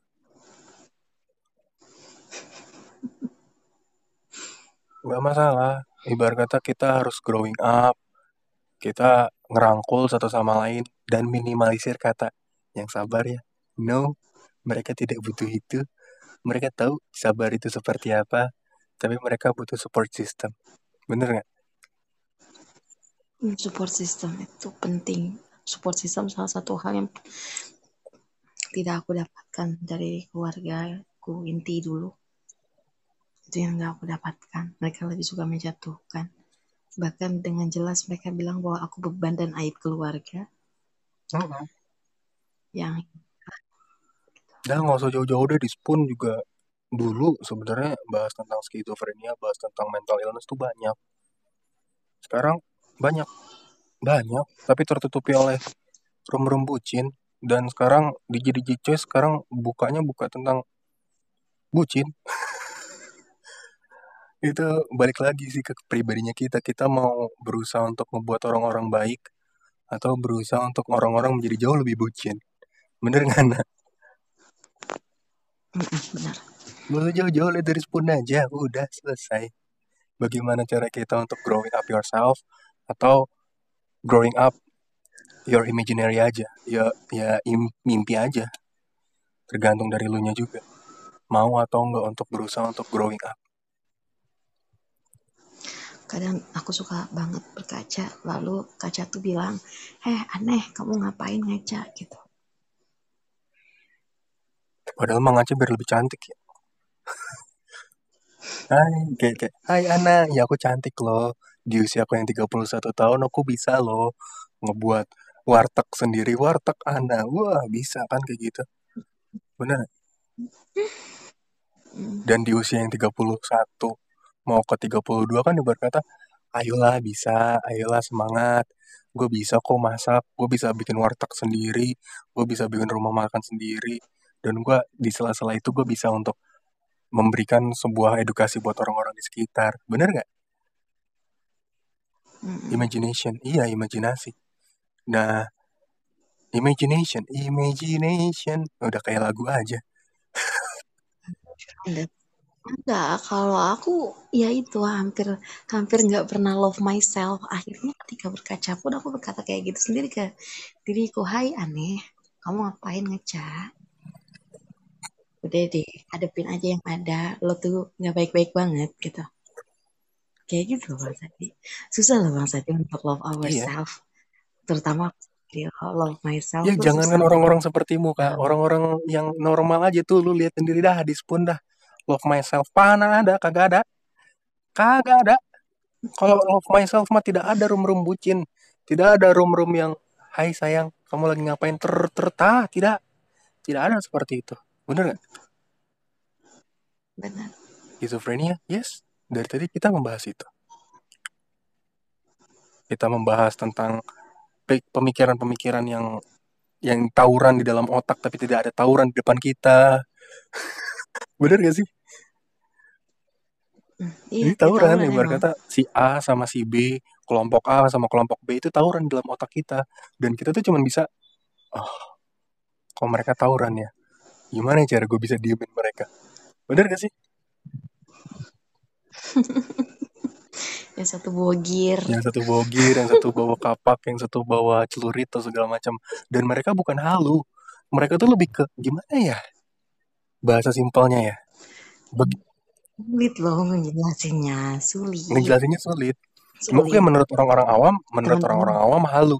Tapi kalau memang menurut orang-orang skizofrenia, ya itu tawuran, tawuran, mimpi, mimpi yang mimpi yang kita bangun, tapi di dalam otak masih mimpi, gitu loh. Itu tuh apa ya? eh, cara kerja otak kita tuh Iya. emang kayak gitu. Cara kerja otak kita tuh em, mendengarkan itu, mendengarkan suara-suara itu. Tapi ya itu, kadang malah Bang Zadi, kalau dulu mau waktu awal-awal ya Allah, mau makan aja nggak boleh makan loh Bang Zadi. Nggak, kamu nggak lapar, kamu nggak boleh makan, karena kamu tuh nggak lapar. Apa kamu makan? Ilusi kan. Nah, ya lebih ke Nah, arah ilusi. Eh, tapi sebenarnya halusinasi sama ilusi hampir sama ya. Cuman lebih kayak gimana ya ke Ana ya? Kalau kita jelasinnya ya. Belok. Pokoknya tuh kita lagi posisi sadar nih kayak gini nih. Tiba-tiba kita diem, tiba-tiba kayak kayak di film SpongeBob tau lo nggak lo kak? Yang korneanya tiba-tiba balik ke belakang, tuh ngeliat otak lagi tawuran gitu loh. Kayak gitu kan? Film Inside Out bukan? Iya. Mirip, bener nggak? Kayak film Inside Out Inside Out tuh kayak kemarahan, kesedihan kehampaan ada ada ada ada satu orang kehampaan ada satu orang kesedihan atau satu orang kemarahan gitu-gitu. Nah itu mereka mengendalikan kita gitu loh. Inside out kayak gitu.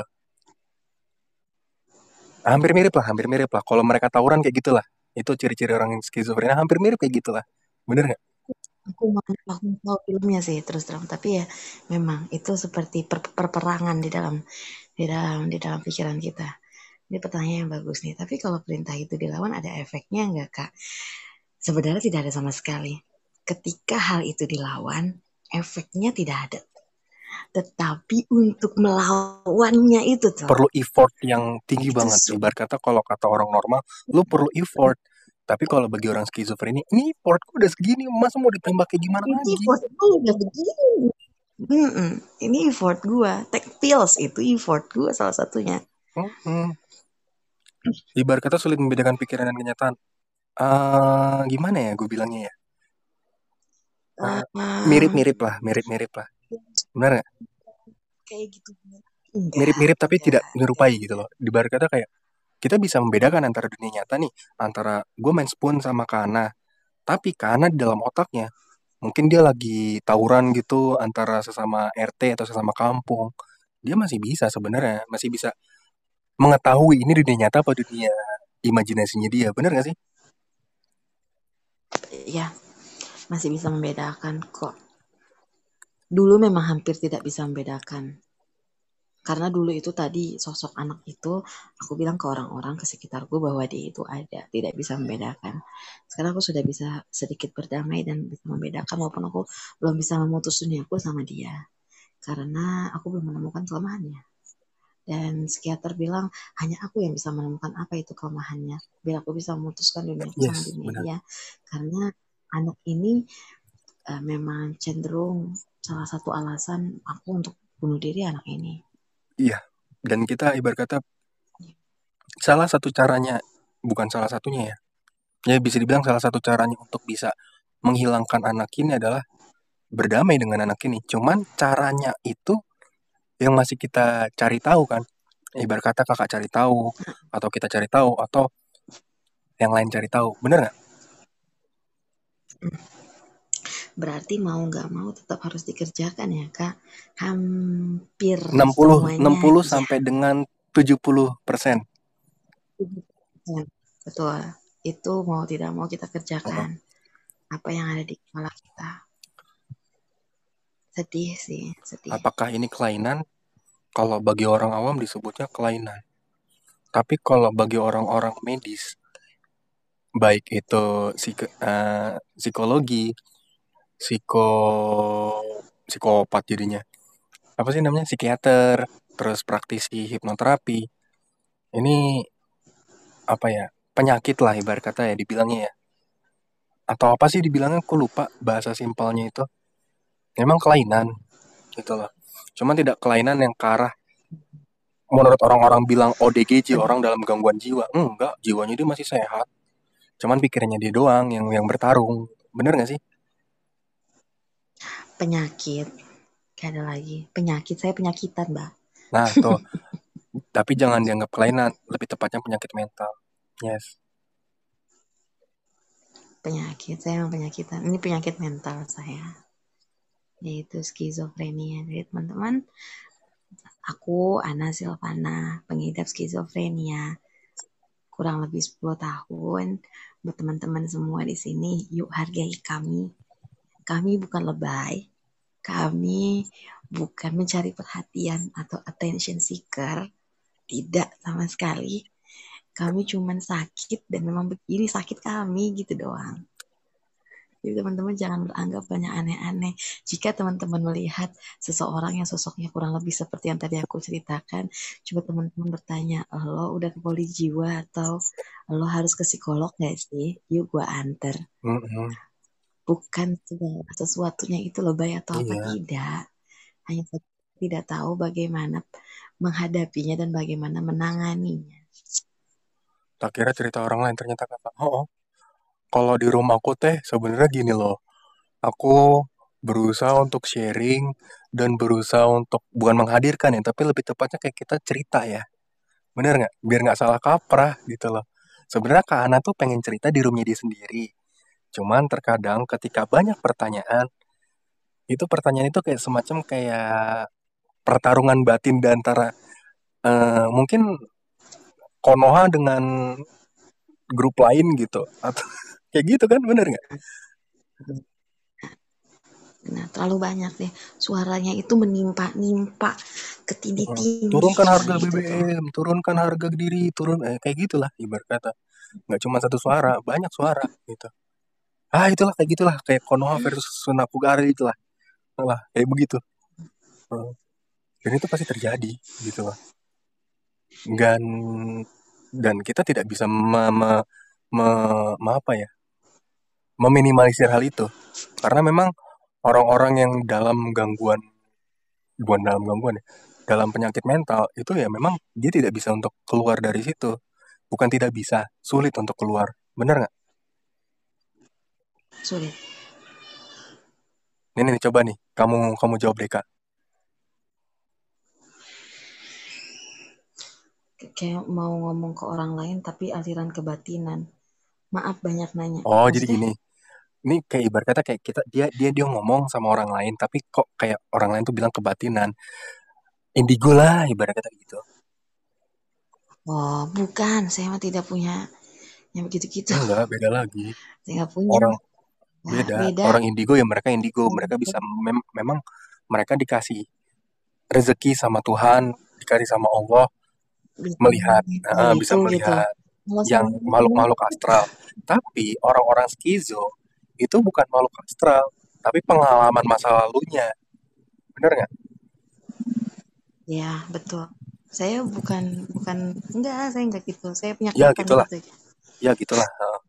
Heeh.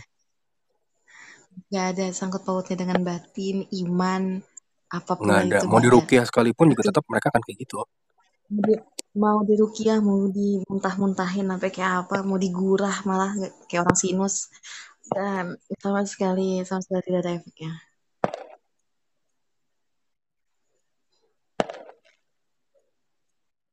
dia sangat pendiam sekali dulu juga kayak gitu kan Dulu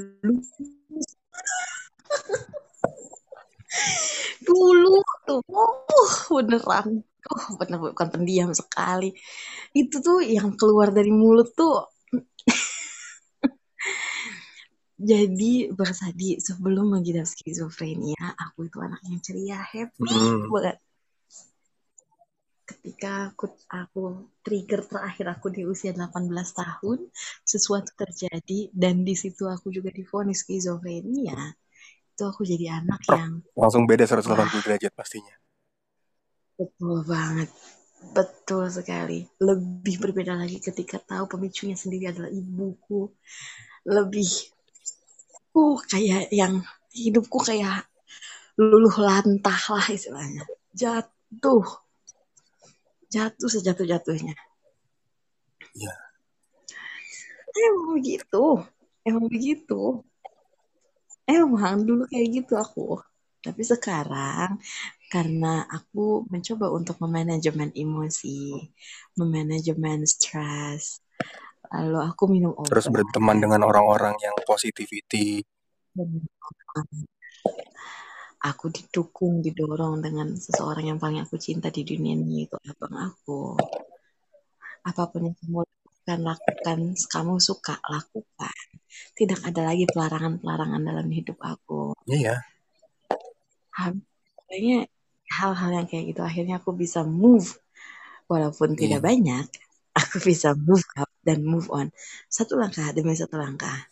Dan aku kembali lagi menjadi anak yang dulu sebelum mendapatkan penyakit skizofrenia. Dan ini pasti ada penyebabnya. Ibarat kata semua penyakit baik baik mental maupun fisik sebenarnya ada penyebabnya kan?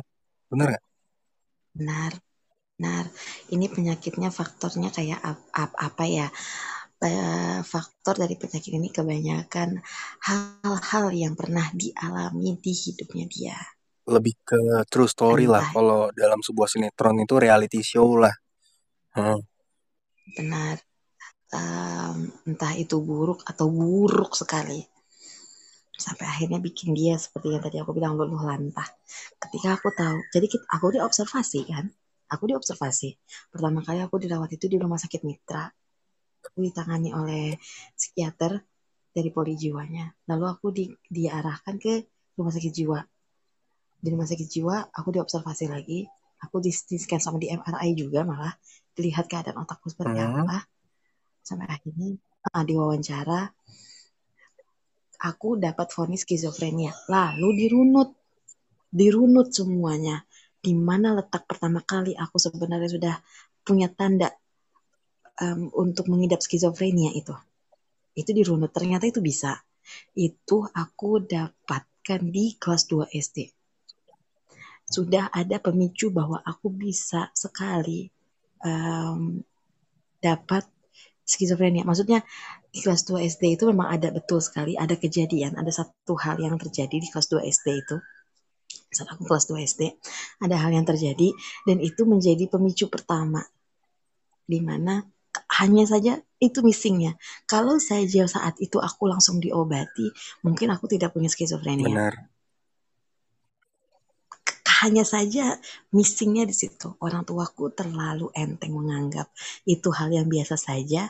Anak ini tidak apa-apa. Akhirnya aku dibiarkan gitu aja. Dan itu berkembang dengan sendirinya. Gitu.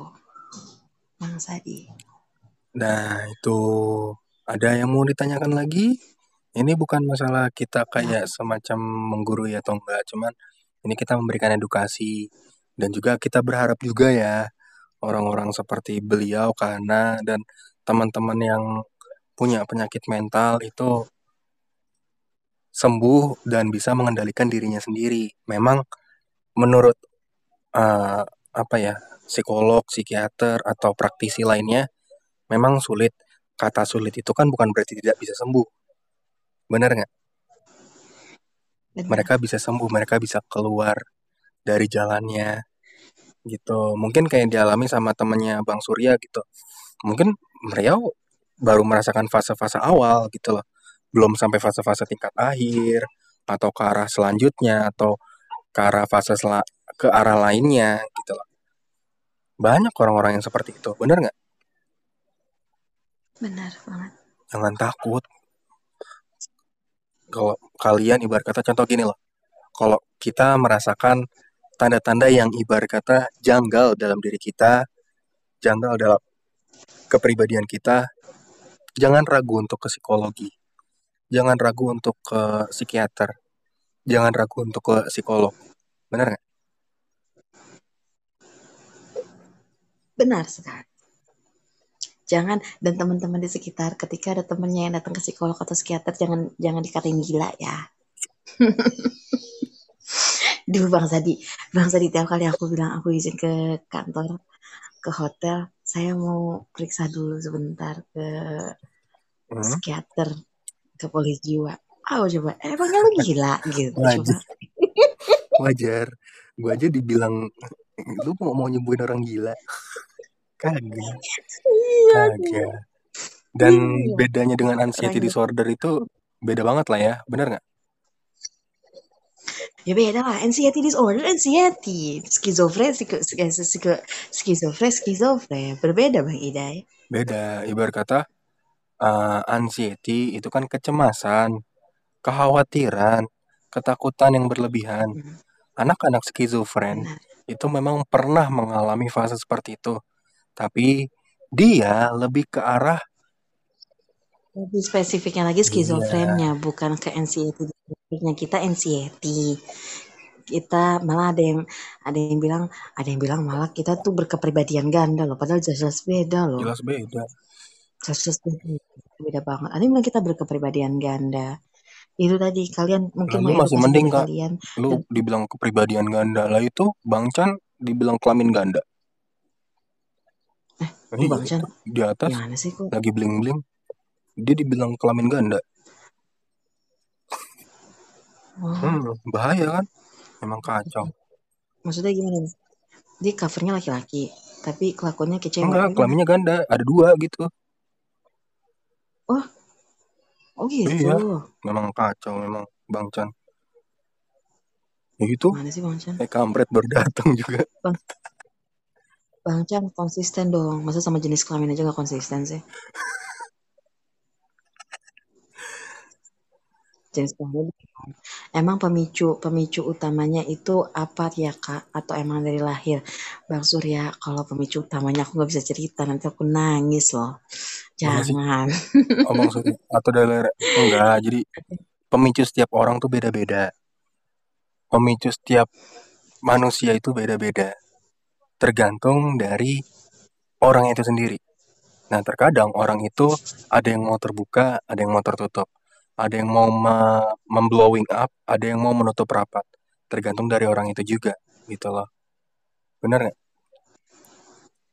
Mm-mm, dan aku lebih suka Ya udahlah itu masa lalu gitu loh. Nah, dah buat saya aja deh ya. Gue pun ibarat kata gue sebagai hipnoterapis itu tidak ada hak untuk menanyakan tentang masa lalunya dia. Gitu. Benar. Untung sabarku berlapis-lapis. Iya dah. Iya dah. Emang tuh kayak jamet kan. Nah, apa tuh? Waktu itu juga ah, masalah itu ditanyakan juga ya untuk observasi itu tadi. Apa yang terjadi, seperti apa, semuanya bisa diceritakan gitu. Sekitarnya. Ditanya. Nggak Gak apa-apa santai. Ini juga jadi sebagai gimana ya edukasi gitu loh. Next time, next time Nah. kalau kalian menemukan ibarat kata room spoon uh, ala-ala skizofrenia yang mungkin di situ ada skizofrenia atau tidak, uh, ya boleh nanya tapi cuman jangan sampai ke arah privasinya minimalisir. Bener nggak? Bukan, bukan apa-apa Mas Suryanto, aku nangis Bang Sadi bingung Bukan masalah bingung dieminnya, udah diemin aja udah. Kalau bingung masalah dieminnya kagak, udah tinggal diemin aja. Tiba-tiba ntar dia tidur aja, udah selesai. Nanti aku nangis dulu langsung. Gitu-gitu terus janganlah. Gimana kelanjutan sama Didi? Kagak. Ibaratnya itu mah tanggapan orang-orang sih kalau gue pribadi sih. Ya itu hak mereka lah. Mau mereka mau mengeduka mau mau menjustifikasi Deddy Kobuzer eh Deddy Kobuzer Deddy Susanto kayak gitu atau enggak. Sama kayak skizofrenia. Tergantung orang-orangnya mau menganggap anak-anak atau teman-teman skizofrenia itu gila, gak waras, sinting, atau cuman penyakit mental atau kelainan itu kan tergantung orang-orang. Kita nggak bisa untuk mengedukasi secara lebih lanjut kan, bener nggak? Deddy siapa? Kobu, eh Deddy Kobuzer, Deddy Susanto itu loh yang yang motivator itu loh. Nah itulah, intinya pokoknya itulah. Nah Nggak usah nggak usah tahu juga. Mm-mm, tenang. Saya tidak terlalu kalau saya nggak dikasih link saya nggak tahu update. Lagi juga males Saya harus dikasih link mau tanyakan. dulu. Hmm, dari tadi Iya. kita hmm, dari tadi Mau kita hmm, buka sesi pertanyaan loh. Ini ini ini ini ini bukan seminar loh, tenang loh. Nah, kita bukan menerima seminar yang bayar 100 ribu baru gua lu suruh fan gua kagak kagak Betul. Bang Sadi mau baik hati, dia itu mau share ilmunya secara gratis, tis, tis, hebat disebut dan tidak merasa rugi dengan hal ngerasa tersebut. rugi ah, kagak Nah, ngerasa gitu. rugi astagfirullahalazim Oh, nih bu mending ibu ke ke Alfamart ibu eh, tahu kan cotton bud Eh, ibu tahu. beli cotton bud jangan beli spatula ingat gue tahu ibu ibu chef ibu ke Alfamart pasti beli spatula bukan beli cotton bud nah itu cotton bud gunanya untuk ngebersihin telinga bu Oke, oke, oke. Ini yang mau nanya ke mana? nggak tahu itu ada kali itu masih ada kok Neko Ranger dia akun baru dia pasti di atas Oh gitu, oke. nah terus ya Allah malah malah beneran bayangin korek kuping udah korek kuping mah korek kuping Iya, enggak, enggak dibayangin kok. Aja. ya Allah subhanallah lu jangan-jangan jangan-jangan jangan kepikiran bilang kepikiran antara korek kuping itu bisa ngebuat lu Enggak, enggak kok, tenang saja.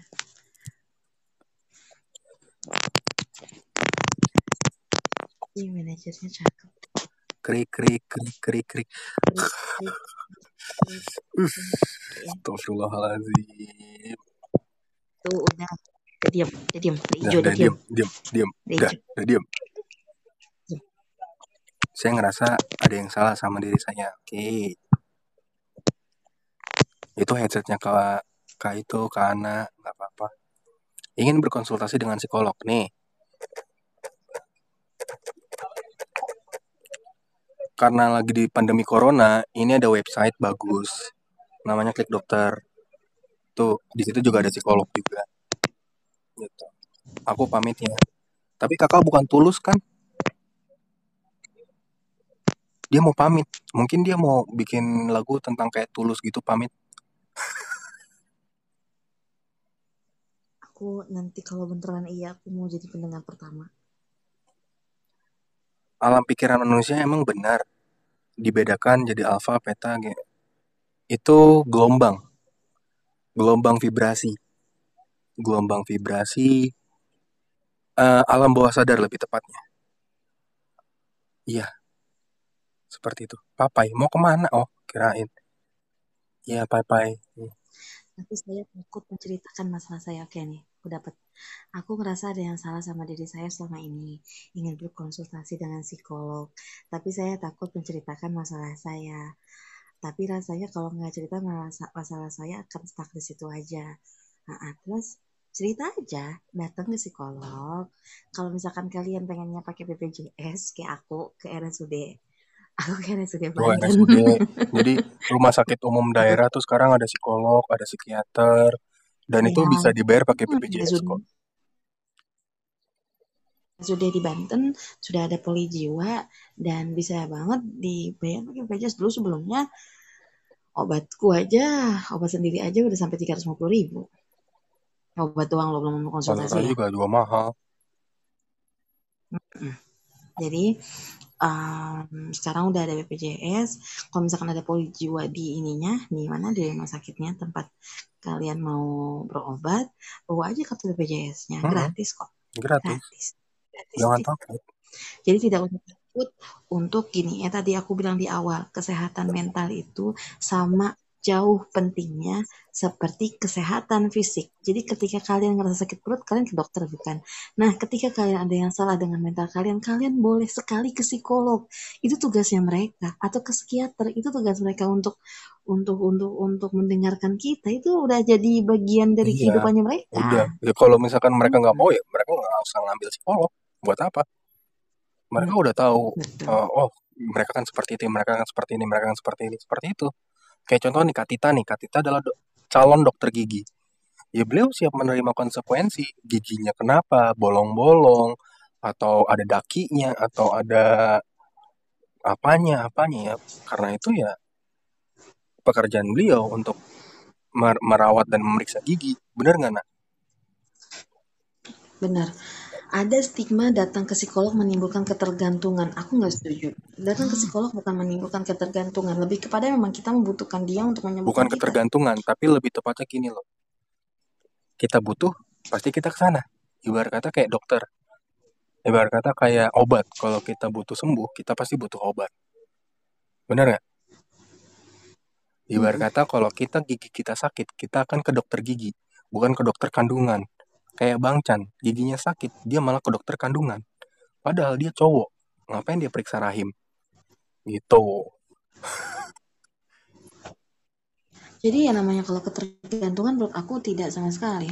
Bukan ketergantungan, tapi memang Butuh. kita itu butuh sosok dari psikiater dan psikolog untuk menyembuhkan penyakit-penyakit yang kayak kita. Hmm. Iya, tapi semua ada batasannya benar. Dan psikolog pun juga ada batasan untuk bertanya. Dalam arti gini loh. Nih, tanya nih sama Ana nih. Emang psikolog lu nanya tentang masa lalu lu yang bla bla bla bla bla. Enggak kan? Tanya, no. Kalau nggak percaya, maksudnya dalam arti gini. Lu datang ke psikolog.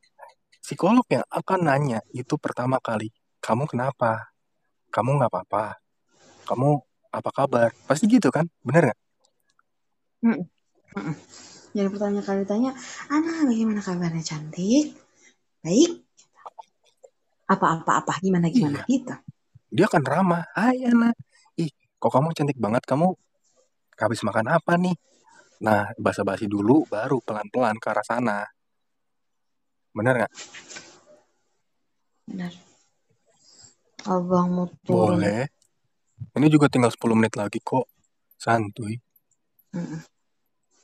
Hmm, jadi thank you ya buat sharing dan diskusinya. Kalian boleh follow tuh Kak Ana tuh, boleh fan. Kak Ana tuh ya ya setiap hari juga sih nge-live ya. Bener nggak? Tapi nggak setiap hari juga. Setiap hari. Semutnya dia. Dan dia juga sering bawain tentang chef. Karena dia masak, tukang masak. Terus dia radio broadcasting. Dia tentang radio announcer. Banyak deh. Pokoknya mah, bener nggak? Benar, Bang. Benar banget. Benar banget. Tentang um, aku, room aku itu room edukasi dan informasi, teman-teman. Jadi kalian, kalau misalkan kalian punya pandangan dalam isu-isu sosial, isu-isu politik, ataupun tentang yang berkaitan dengan hukum, bisa banget datang ke room aku. Aku bukan expert, aku hanya seorang netizen yang suka berkomentar tentang apa yang terjadi di lingkungan aku, tapi aku ngebawa teman-teman yang ahli untuk menjelaskan sekalian soal Yes. ini. Dan ibarat kata aku juga mau rekomendasiin tuh ada Kak Chan, Kak Chan mahasiswa psikologi, terus Kak Tita dokter gigi. Nah, kalau kalian giginya bolong-bolong atau giginya penuh dengan kuman-kuman bisa tuh diskusi sama beliau, bener nggak? Kayak Kak Ana juga expert di bidang chef. Oh, boleh tuh. Kalau kalian pengen konsultasi atau bertanya soal dessert apa yang mudah dan enak dimasak Ala-ala bukan di bulan puasa ya, enak tuh. dimakan. Duh, makanan yang, aduh, untungnya udah buka ya. Kalau Ya, belum buka udah pasti udah ada, udah kayak Bang Chan tuh, larinya ke dokter kandungan, rahimnya kagak ada. Ngapain dia lari? eh ada Miko, jadi real, mau tuh ada Miko, ditanya? Kagak. Paling Bang Chan. Biasanya biasanya kalau gua habis live itu Bang Chan. Gitu. Nah, Hmm, Kana juga bisa masuk tuh ke Bang Chan tuh. Bang Chan juga psikologi kok. hmm, Mm. hmm, hmm, hmm. Kak Tita itu di gigi. Kalau eh, giginya Kana bermasalah kan malum lah namanya juga chef pasti makanan manis-manis pasti ada. Tuh, dokter follow Tita. Terus Tita tuh juga eh jangan salah loh. Nah, dia juga eh, sekarang punya usaha ayam woku loh. Apa sih woku? Gue nggak paham itu apaan sih Kana? Woku. Ayam apa? Heeh. Buku.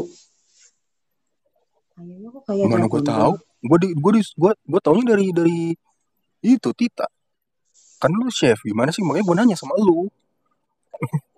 Gak pernah dengar ayam buku. Kok ayamnya kayak Dragon Ball sih? Ayam Woku, buku. Woku, bukan Goku, Dragon Ball kayak mana biji meletak. Oh, kedengarannya Ya, Sun Goku. Gokong. Dragon Ball? Dragon Ball. Ya, Kedengarannya Goku. Woku. Woku itu kayaknya ini ya masakan khas nggak Manado. tahu juga. Makanya aku nanya sama kakak.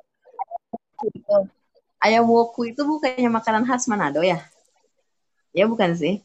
Woku kayak kedengarannya kayak Goku. Dia ngomongnya gitu. Ayam Emang Goku, ayam kak, Goku. kak Kayak nih abis besok nih ya, besok pagi nih ya. Kayaknya kakak harus direkomendasikan bukan ke poli jiwa kayaknya. Tapi kakak mampir ke Alfamart depan komplek. Itu kakak tanya sama kasir Indomaret atau kasir Alfamart. Mas, cotton bud yang recommended yang mana? Tuh. Dari tadi ya kayaknya aku salah denger aja deh. Iya, yang kepikir Goku Kamehameha. Iya, ayam Makanya Goku. bu, Apalagi tuh. lu lu lu belum jadi arwah udah jadi penasaran aja ya. Astagfirullahaladzim. Belum jadi arwah aja udah penasaran. Skizo bisa sembuh gak sih? Oke ditutup nih ya. Nih kita kita menutup perbincangan ini dan bisa dilanjutin sama Bang Chan mengenai tentang skizofrenia atau segala macam bisa ke sana. Nah, jadi skizofrenia bisa sembuh nggak kak? Sulit. Sulit itu dalam konteks bukannya nggak bisa sembuh, tapi bisa sembuh. Tapi untuk menentukan waktunya kapan itu hanya dia dan imajinasi dia yang bisa. Bener nggak? Betul.